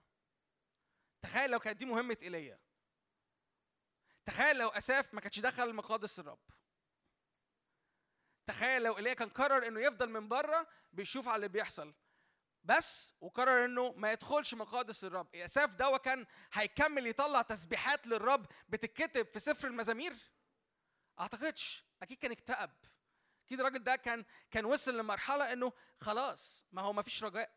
ما هو ما فيش أي حاجة تخليني أبص على أي حاجة. ما هو ما هو البايظ بيكمل بوظان وما فيش حد بيقول له حاجة. فإيه؟ وبالمناسبة ما هو إحنا ده بيحصل قدامنا النهارده. ده مش بس على مستوى العهد القديم. إحنا إحنا في حالة كل يوم شايفين قد إيه العالم عمال يبوظ حوالينا قد إيه العالم عمال يفسد حوالينا قد إيه العالم عمال يزداد شر وسوء حوالينا. بس الرب عمال يطلع ناس بتغير الواقع. أنتوا تاني فصلتوا مني. تاني فصلتوا مني. إيه؟ إيه؟ آه عصبتها؟ معلش أنا آسف. كارول اللي اتعصبت. شوف يا جماعة كارول- اللي اتعصبت. يعني دي حاجة صعبة قوي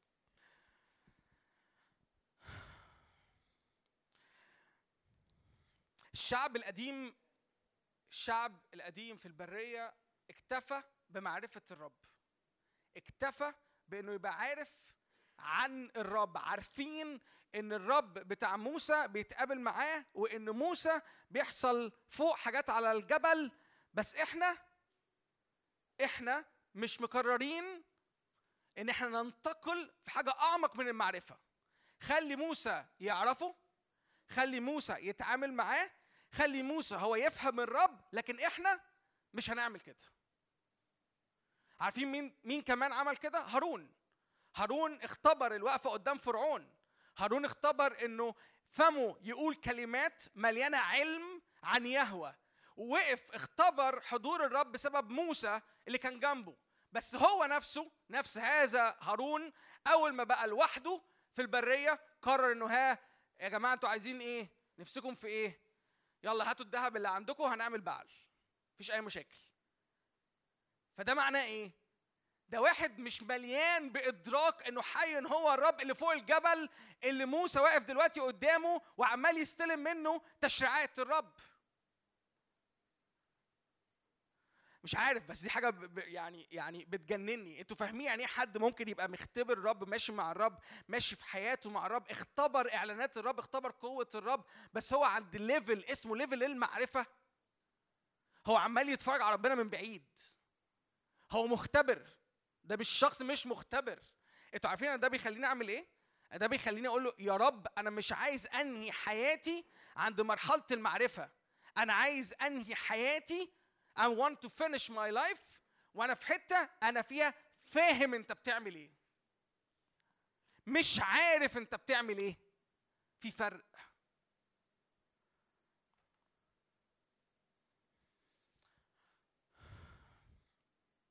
رب بيجنني لما جه يعدي الشعب من الأردن.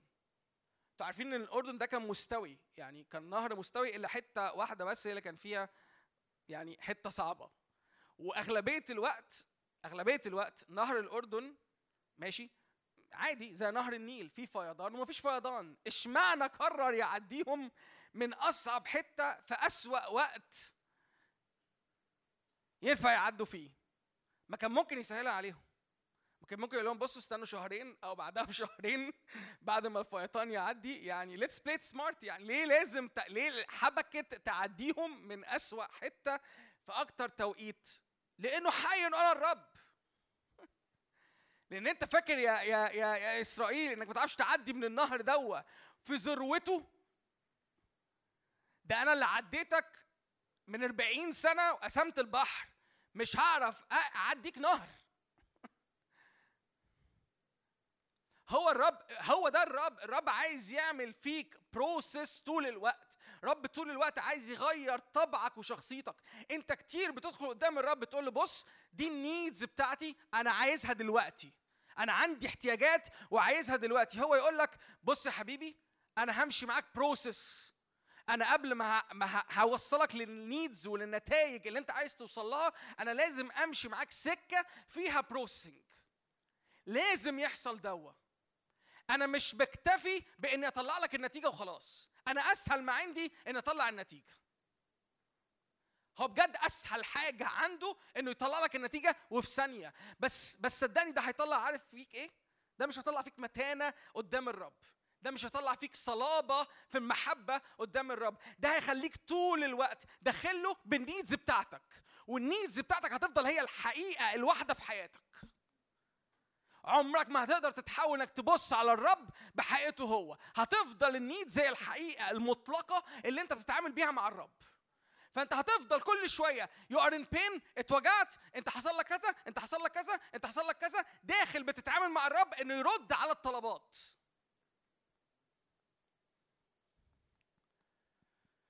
وبالمناسبة هو ده نفس اللي حصل مع الشعب القديم. كل ما كان يبقى عندهم need يطلعوا إيه؟ مرارة يطلعوا أصل المرارة. فيحصل إيه؟ يروحوا يشوفوا لهم إله تاني ي supply ال need يلا نشوف لنا إله تاني. ده طلع إن الأشوريين بيعبدوا إله. ده اكتشفنا في إله عند الأشوريين بيعبدوه بي بي بيجيب الخير أحسن من الفقر اللي إحنا فيه دلوقتي. بينزل المطرة. فيلا هنلف حوالين التمثال وهننزل المطرة. ما إحنا دلوقتي حاليا في اللحظة اللي إحنا فيها إحنا في صحراء. يلا نرجع أرض المصريين اللي بيعبدوا كذا وكذا وكذا. ده الأرض بتاعتهم مليانة بط ووز وحمام وفراخ ولحمة بدل الصنف الواحد اللي إحنا عمالين ناكله زهقنا منه دوا المنيو ما فيهاش غير وان ايتم زهقنا. بقالنا كل السنين دي في الصحراء والمنيو ما فيهاش غير وان ايتم أنا عايز أرجع لل full kitchen اللي أنا كنت فيه. أنا بكلمكم بجد. أنا مع يعني ما أعرفش دماغكم مستوعبة اللي أنا بقوله ولا لأ يا رب تنور بس يعني أنا أنا عايز أعلي جواك الجوع إنك تغير على ال process اللي الرب عايز يمشيك فيها. أنا عايزك تغير معايا على ال enhancements اللي الرب عايز يسكبها مش اللي أنت عايزه يعملها فيك. أنا عايزك تجوع إنك تقول يا رب أنا بتواضع أنا مش بدخل بكبرياء أنا متنازل عن أي شكل أنا شايف إن أنا المفروض أكون فيه أنا كالبهيمة أمامك. اعمل فيا اللي أنت نفسك فيه. أنا بكلم بجد أنا أنا نفسي صلاتي اللي نصليها دلوقتي يلا يا رب اجعلنا بهايم. sorry يعني. بس بجد بجد. أنت محتاج توصل من مرحلة في الطمأنينة مع الروح القدس إنك بتمشي وراه وإنك فاهم إنه he is your best friend إحنا لحد إمتى جيلنا ده هيفضل يتكلم عن إنه أحلى حاجة في الدنيا الصحوبية والصداقة والجدعنة والحاجات اللي بنقعد نقولها ونغني عليها والحاجات اللذيذة دي كلها والشارع كله عمال يصوت يصوت فعلا إنه مفيش صحوبية. يعني الشارع عمال يصوت وعمال يغني ويطلع ألام من خيانات ومن مرارة في خيانات وناس اتخانت وناس اتبهدلت من أقرب ناس ليها ومفيش فعلا جدعنة. ده العالم اللي إحنا عايشين فيه. العالم عمال يصوت بره. أصحابكم بره كلهم موجوعين من خيانات ومن ألام. أنا مش هقول أنتوا. أنتوا يا أنتوا يا جماعة مجتمع قديسين رهاب.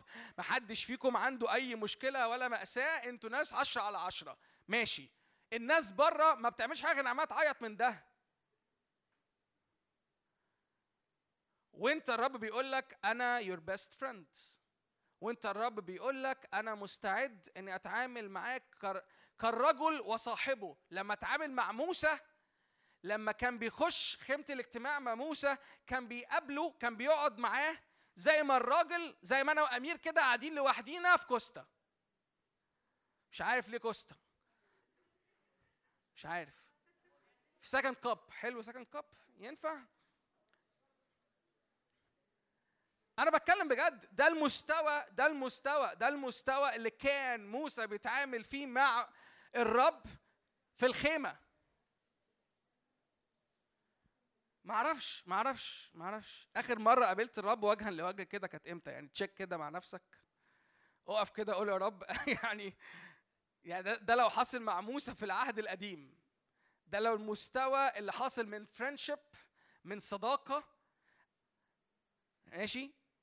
مع موسى في العهد القديم أنا ليا إيه بقى في المسيح؟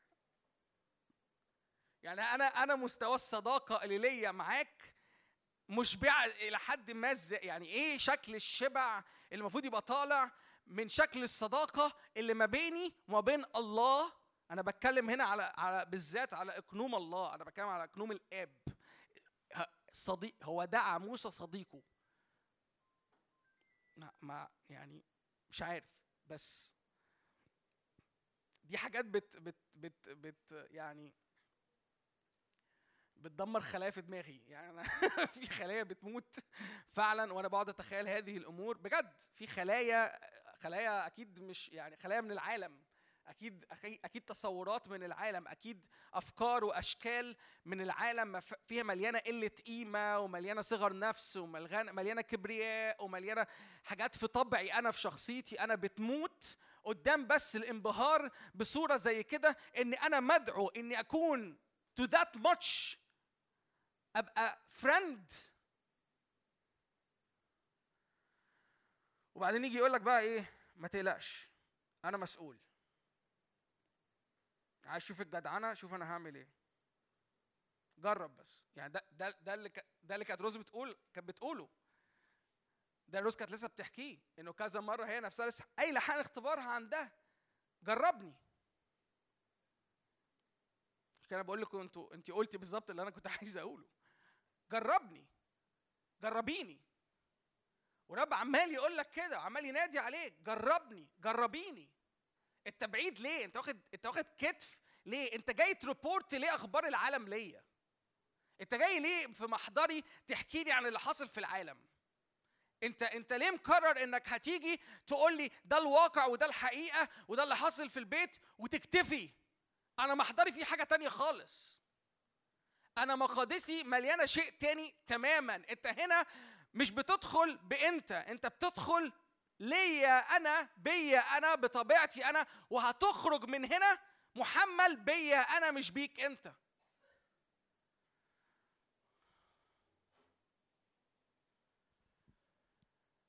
صدقني دي تكنولوجيا يعني يعني أنا أنا عايزك تستوعب إن دي technology. ال technology دي مش متاحة ليك بس في اجتماع زي ده. التكنولوجيا دي في أي مرة أنت بتقرر تدخل مقادس العلي. مقادس العلي انت ممكن تدخلها بقى في اي حتة. تدخلها بقى في المترو ممكن تدخليها وانت في اتوبيس. ممكن تدخلها وانت في ميكروباص. ممكن تدخلها وانت بتسوق واحد كسر عليك والمفروض يطلع منك كلمات ما ما ينفعش تطلع. في أي لقطة في أي منظر في أي شكل في حياتك انت ينفع تدخل مقادس العلي وتشوف اللي الرب بيسكبه من طبيعته عليك في المنظر ده وتقول يا رب بس كده إيه أنا كالبهيمة أمامك أنا ولا حاجة. أنا بقول لك بجد ده كلام مشجع. تشجع. تعالوا نشجع إن إحنا كده. أنا بكلم بجد. قول يا رب أيوه أنا عايز أبقى كده. I want to lose control over myself. أنا عايز أبقى زي اللي مش فاهم حاجة بس عارف إن أنت اللي هتهديني إلى الطريق. أنا واثق فيك أنت في صداقتك أنت إن هي هتوديني للريزلتس من غير معافر. ليه؟ لأنك عايز تحملني إلى حيث أنت تريد. ده أنت عايز تشيلني ده أنت عايز تقودني ده أنت عايز تملاني بيك ده أنت عايزني أبقى في وفرة غنى.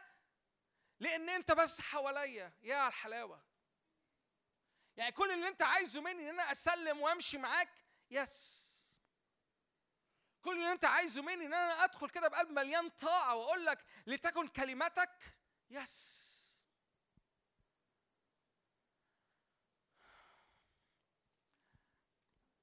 أنا وعدتكم إن أنا ما وعظت كتير وأنا يعني آسف إن أنا طولت بس. بس فعلا ده اللي كان ماليني لينا النهارده. ده اللي كان ماليني ليه النهارده. مش هقعد مش هقعد أطلع آيات وأوعظ أكتر من كده ولا أحاول إن أنا أقول كلام أكتر من كده. متهيألي الرسالة وصلت. متهيألي الرب عايز يقوله لينا النهارده اللي عايز يقوله لك بشكل مباشر. أنا عايزك أنت بتاعي سيب لي نفسك. سيب لي نفسك. ما تتمليش باللي حاصل بره. تعالى بقى جرب اتملي بيا. تعالى جرب شوف ال processing بتاعي هيطلع منك results عاملة إزاي. تعالى جرب شوف ال enhancement اللي أنا عايز أعملها في حياتك. تعالى جرب شوف إزاي كل بكسلة أنا عايز أطلع منها جمال. تعالى رجع كل بكسلة للمنظر ال original بتاعها.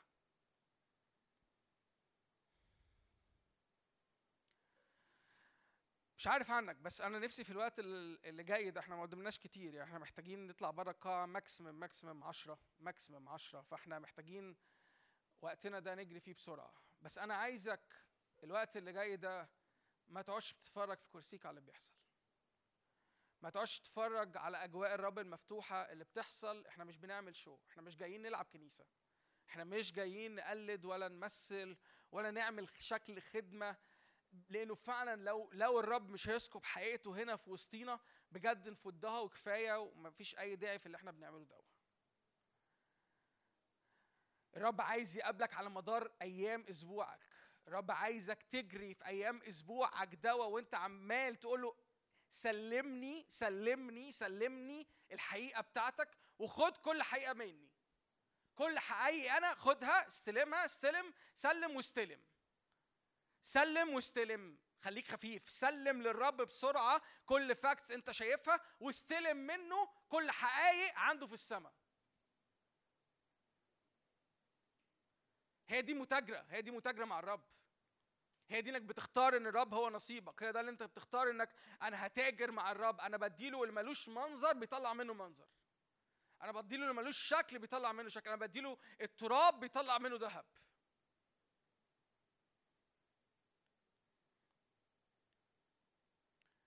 آمين.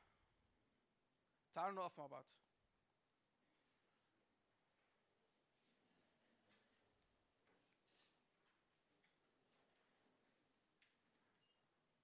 استقبل كده روح الفهم. استقبل روح الفهم. أشعيا 11 بيتكلم عن أرواح الله السبع منهم روح الفهم. استقبل كده روح الفهم. نقول له يا روح الله أنا بستقبل فهمك. أنا بستقبل بستقبل إدراكاتك. أنا بستقبل كل أمر أنت عايز تسكبه من طبيعتك عليا. أنا بستقبل بستقبل بستقبل بستقبل صداقتك. أنا بعمل لك أكسبت على الفرنشيب دي. أنا ب accept your friendship أنا ب accept صلاحك. أنا ب accept إني أتكل عليك. أنا ب accept. أنا بوافق. أنا بوافق. أنا بوافق إن أنت داعيني لأعماق من friendship عميقة جدا. خرج كده كل مرارة اعمل ال trading اللي بقول لك عليه. خرج كده كل مرارة قول يا رب برغم اللي حاصل ده برغم اللي حاصل ده أنا بختار النهاردة إني أدخل قدس أقداسك. شاور كده على على على الحاجات اللي أنت عارفها. أنا مش محتاج أقعد أقولها. بص يا رب كل ده كل ده كل ده كل اللي حاصل في البيت كل اللي حاصل في دوايري كل اللي حاصل مع صحابي كل اللي حاصل من علاقات فشلت كل اللي حصل من من من من إحباط واكتئاب. كل مرارة نفس فيا برغم كل ده أنا بختارك أنت أنا بختار أدخل مقدسك أنا بختار أقف قدامك أنا بختار ال process قبل ال results أنا بختار ال process قبل ال results أنا عارف أنا عارف إنك هتطلع مني أحسن حاجة أنا عارف إنك هتطلع مني هي هي هي.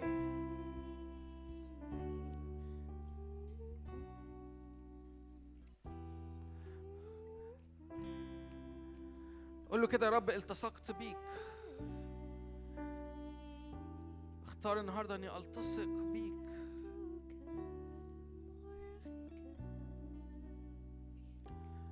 قول له كده وبعد إلى مجد تأخذني.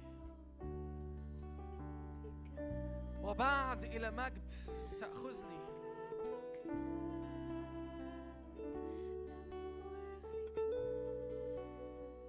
حتى لو أنا بليد ومش عارف. بعد إلى مجد تأخذني. حتى لو ما عنديش كل المعرفة أو عندي كل المعرفة بس ما عنديش الفهم. للآخر عنك. it's okay it's okay it's okay أنا بختارك أنت. أنا بختارك أنت. أنا بختارك أنت.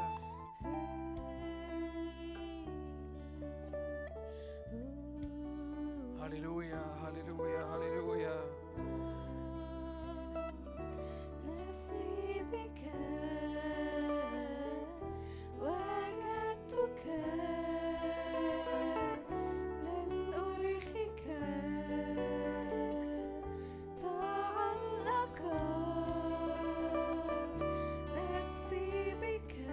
استقبل محبة استقبل خلي محبته تغسلك خلي محبته تغسلك.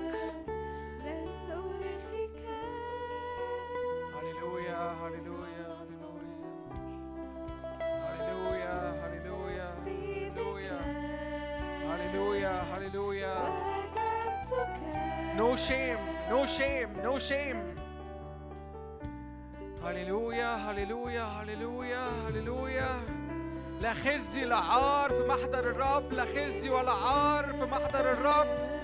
لا خزي لا عار. الرب بيرفع عارك عنك. هللويا. بيرفع خزيك. هي هي امسك الرب امسك الرب. قول له كده امسكك ولن ارخيك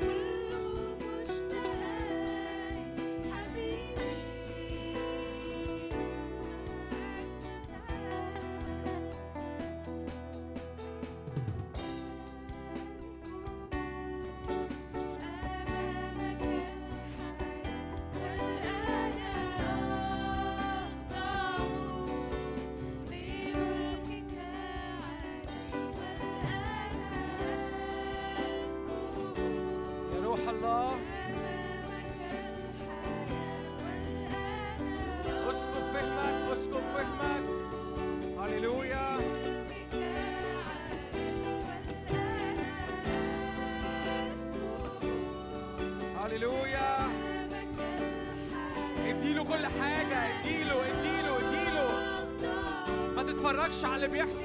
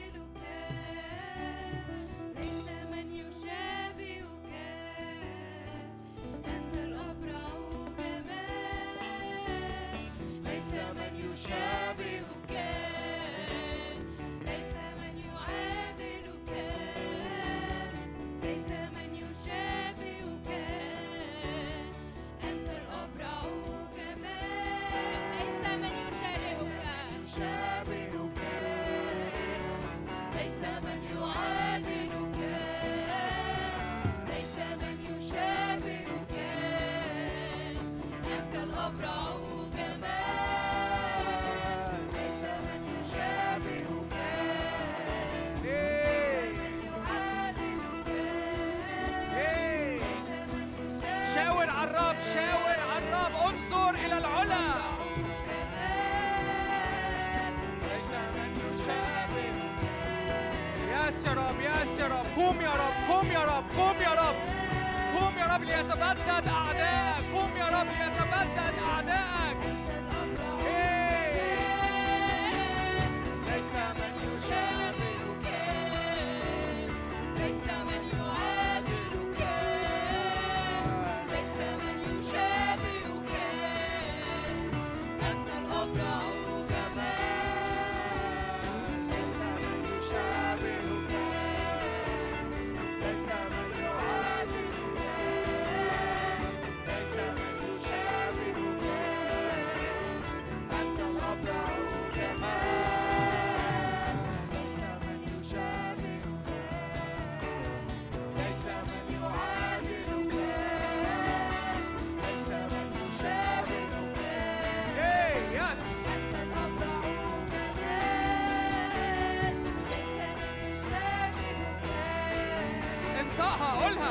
أجواءك سمع ودنك.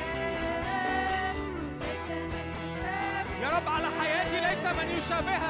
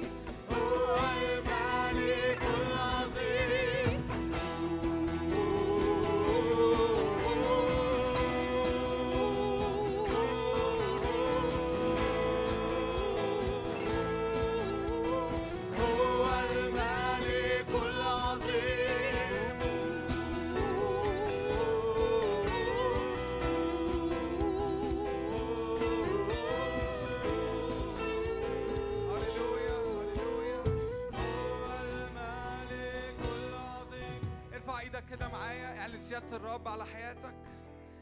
هو السيد وملك. هللويا. وليس آخر. غير كده غير معايا كده غير معايا على حياتك. قول يا رب أنا ملك ليك ملك ليك. حياتي أيامي ملك ليك. أنت وحدك سيد أنت وحدك عال أنت وحدك مرتفع. هللويا.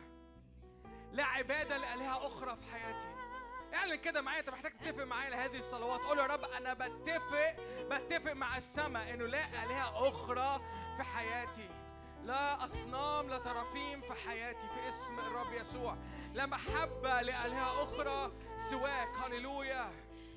ما أشركش حد تاني ما أشركش حد تاني. محبة قلبي ما تكونش مشتركة لآلهة أخرى. هللويا. لا لنفسي ولا لألامي ولا الشكاية على العالم ولا شكاية على حد ولا كبرياء ولا أصل مرارة. هللويا. بعلن سيادتك بعلن محبتك بعلن صداقتك بعلن راحتك عليا. هللويا. فينا ناس لسه مش عايزة تعمل كده. فينا ناس أنا شايف مش عايزة تدخل إلى العمق دوا الرب عمال يدعيك يدعيكي لعمق النهارده من ال من ال من العبادة من المعرفة من الفهم. لم تختبره من قبل هللويا. فاستقبل دي معجزة. الرب عايز يحول عايز يعمل ال enhancement. هي هي هي هي هي. الرب عايز يعمل ال enhancement بتاعته. عايز يسكب ال process بتاعته. عايز يعمل مسالك عايز يعمل طريق مقدس تسلك فيها. لا تضل فيها هللويا.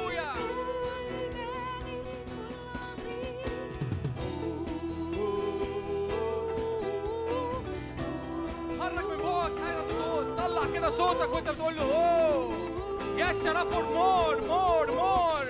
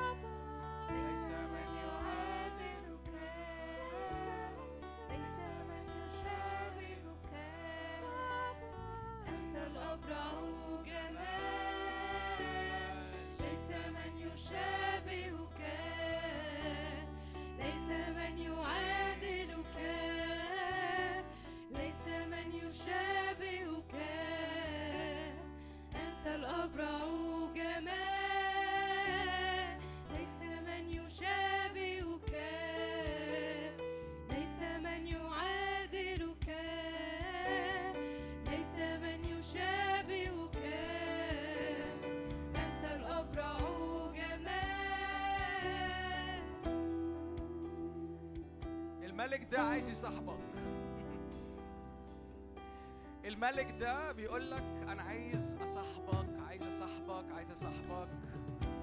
I want to be your friend. في ملك عايز يصاحبك. في ملك عايز يصاحبك. مش to be your secret friend. مش في الخفا في العلن قبل الخفا. هو مش مستعر منك ولا شايف إن أنت أقل منه. هو عايز يرفعك ويجلسك عن يمينه. إيه.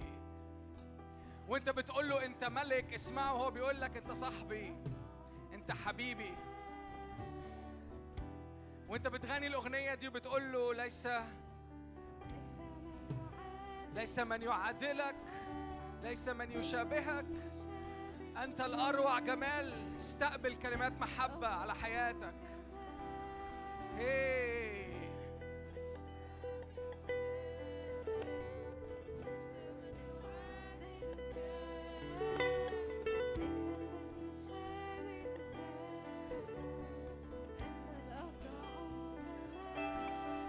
مش لوحدك انت مش لوحدك.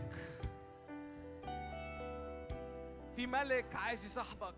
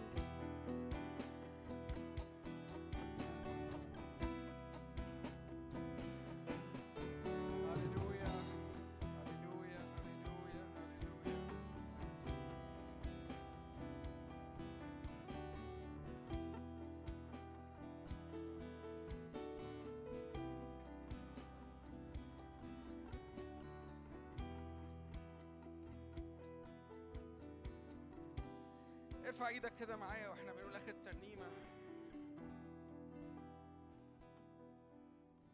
صلي كده معايا. كل أمور استقبلتها النهارده من الرب تبقى إلى الأبد. في اسم الرب يسوع.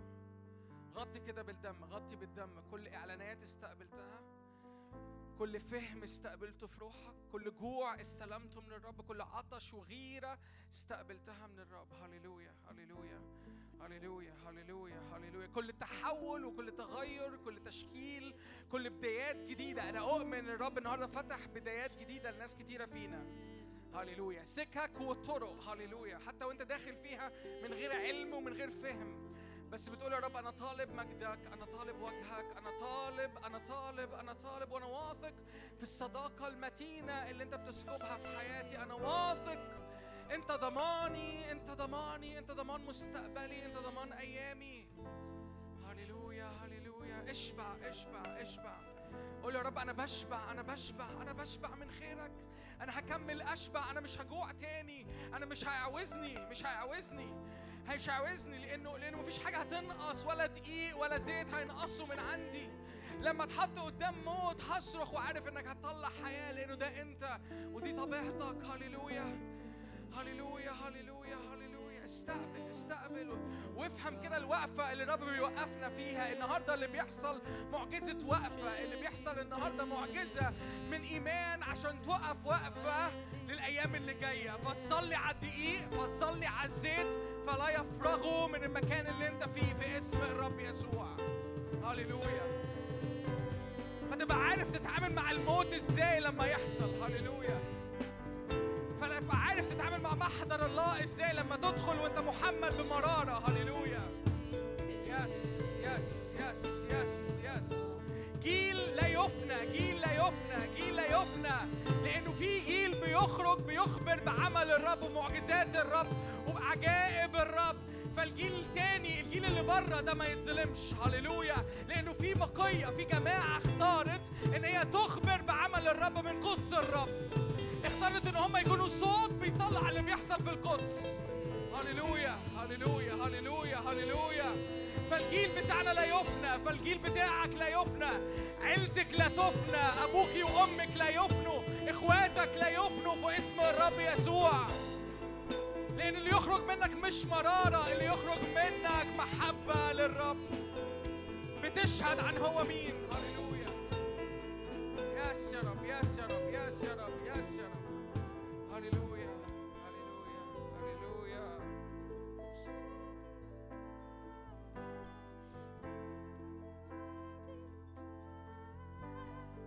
هللويا.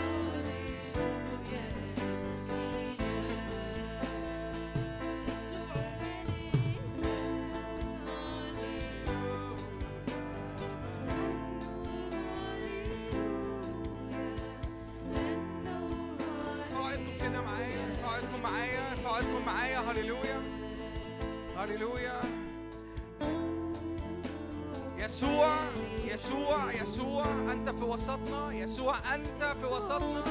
هللويا. يسوع أنت نورنا. يسوع أنت برنا. يسوع أنت الحياة التي فينا. هللويا. يسوع.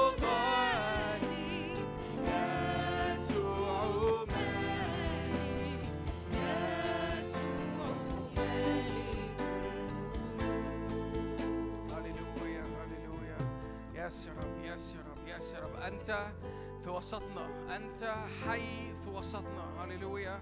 أنت حي في وسطنا في اسم الرب يسوع. بنحبك بنحبك بنحبك بنحبك. بنباركك. نرفع اسمك من الآن وإلى الأبد. آمين.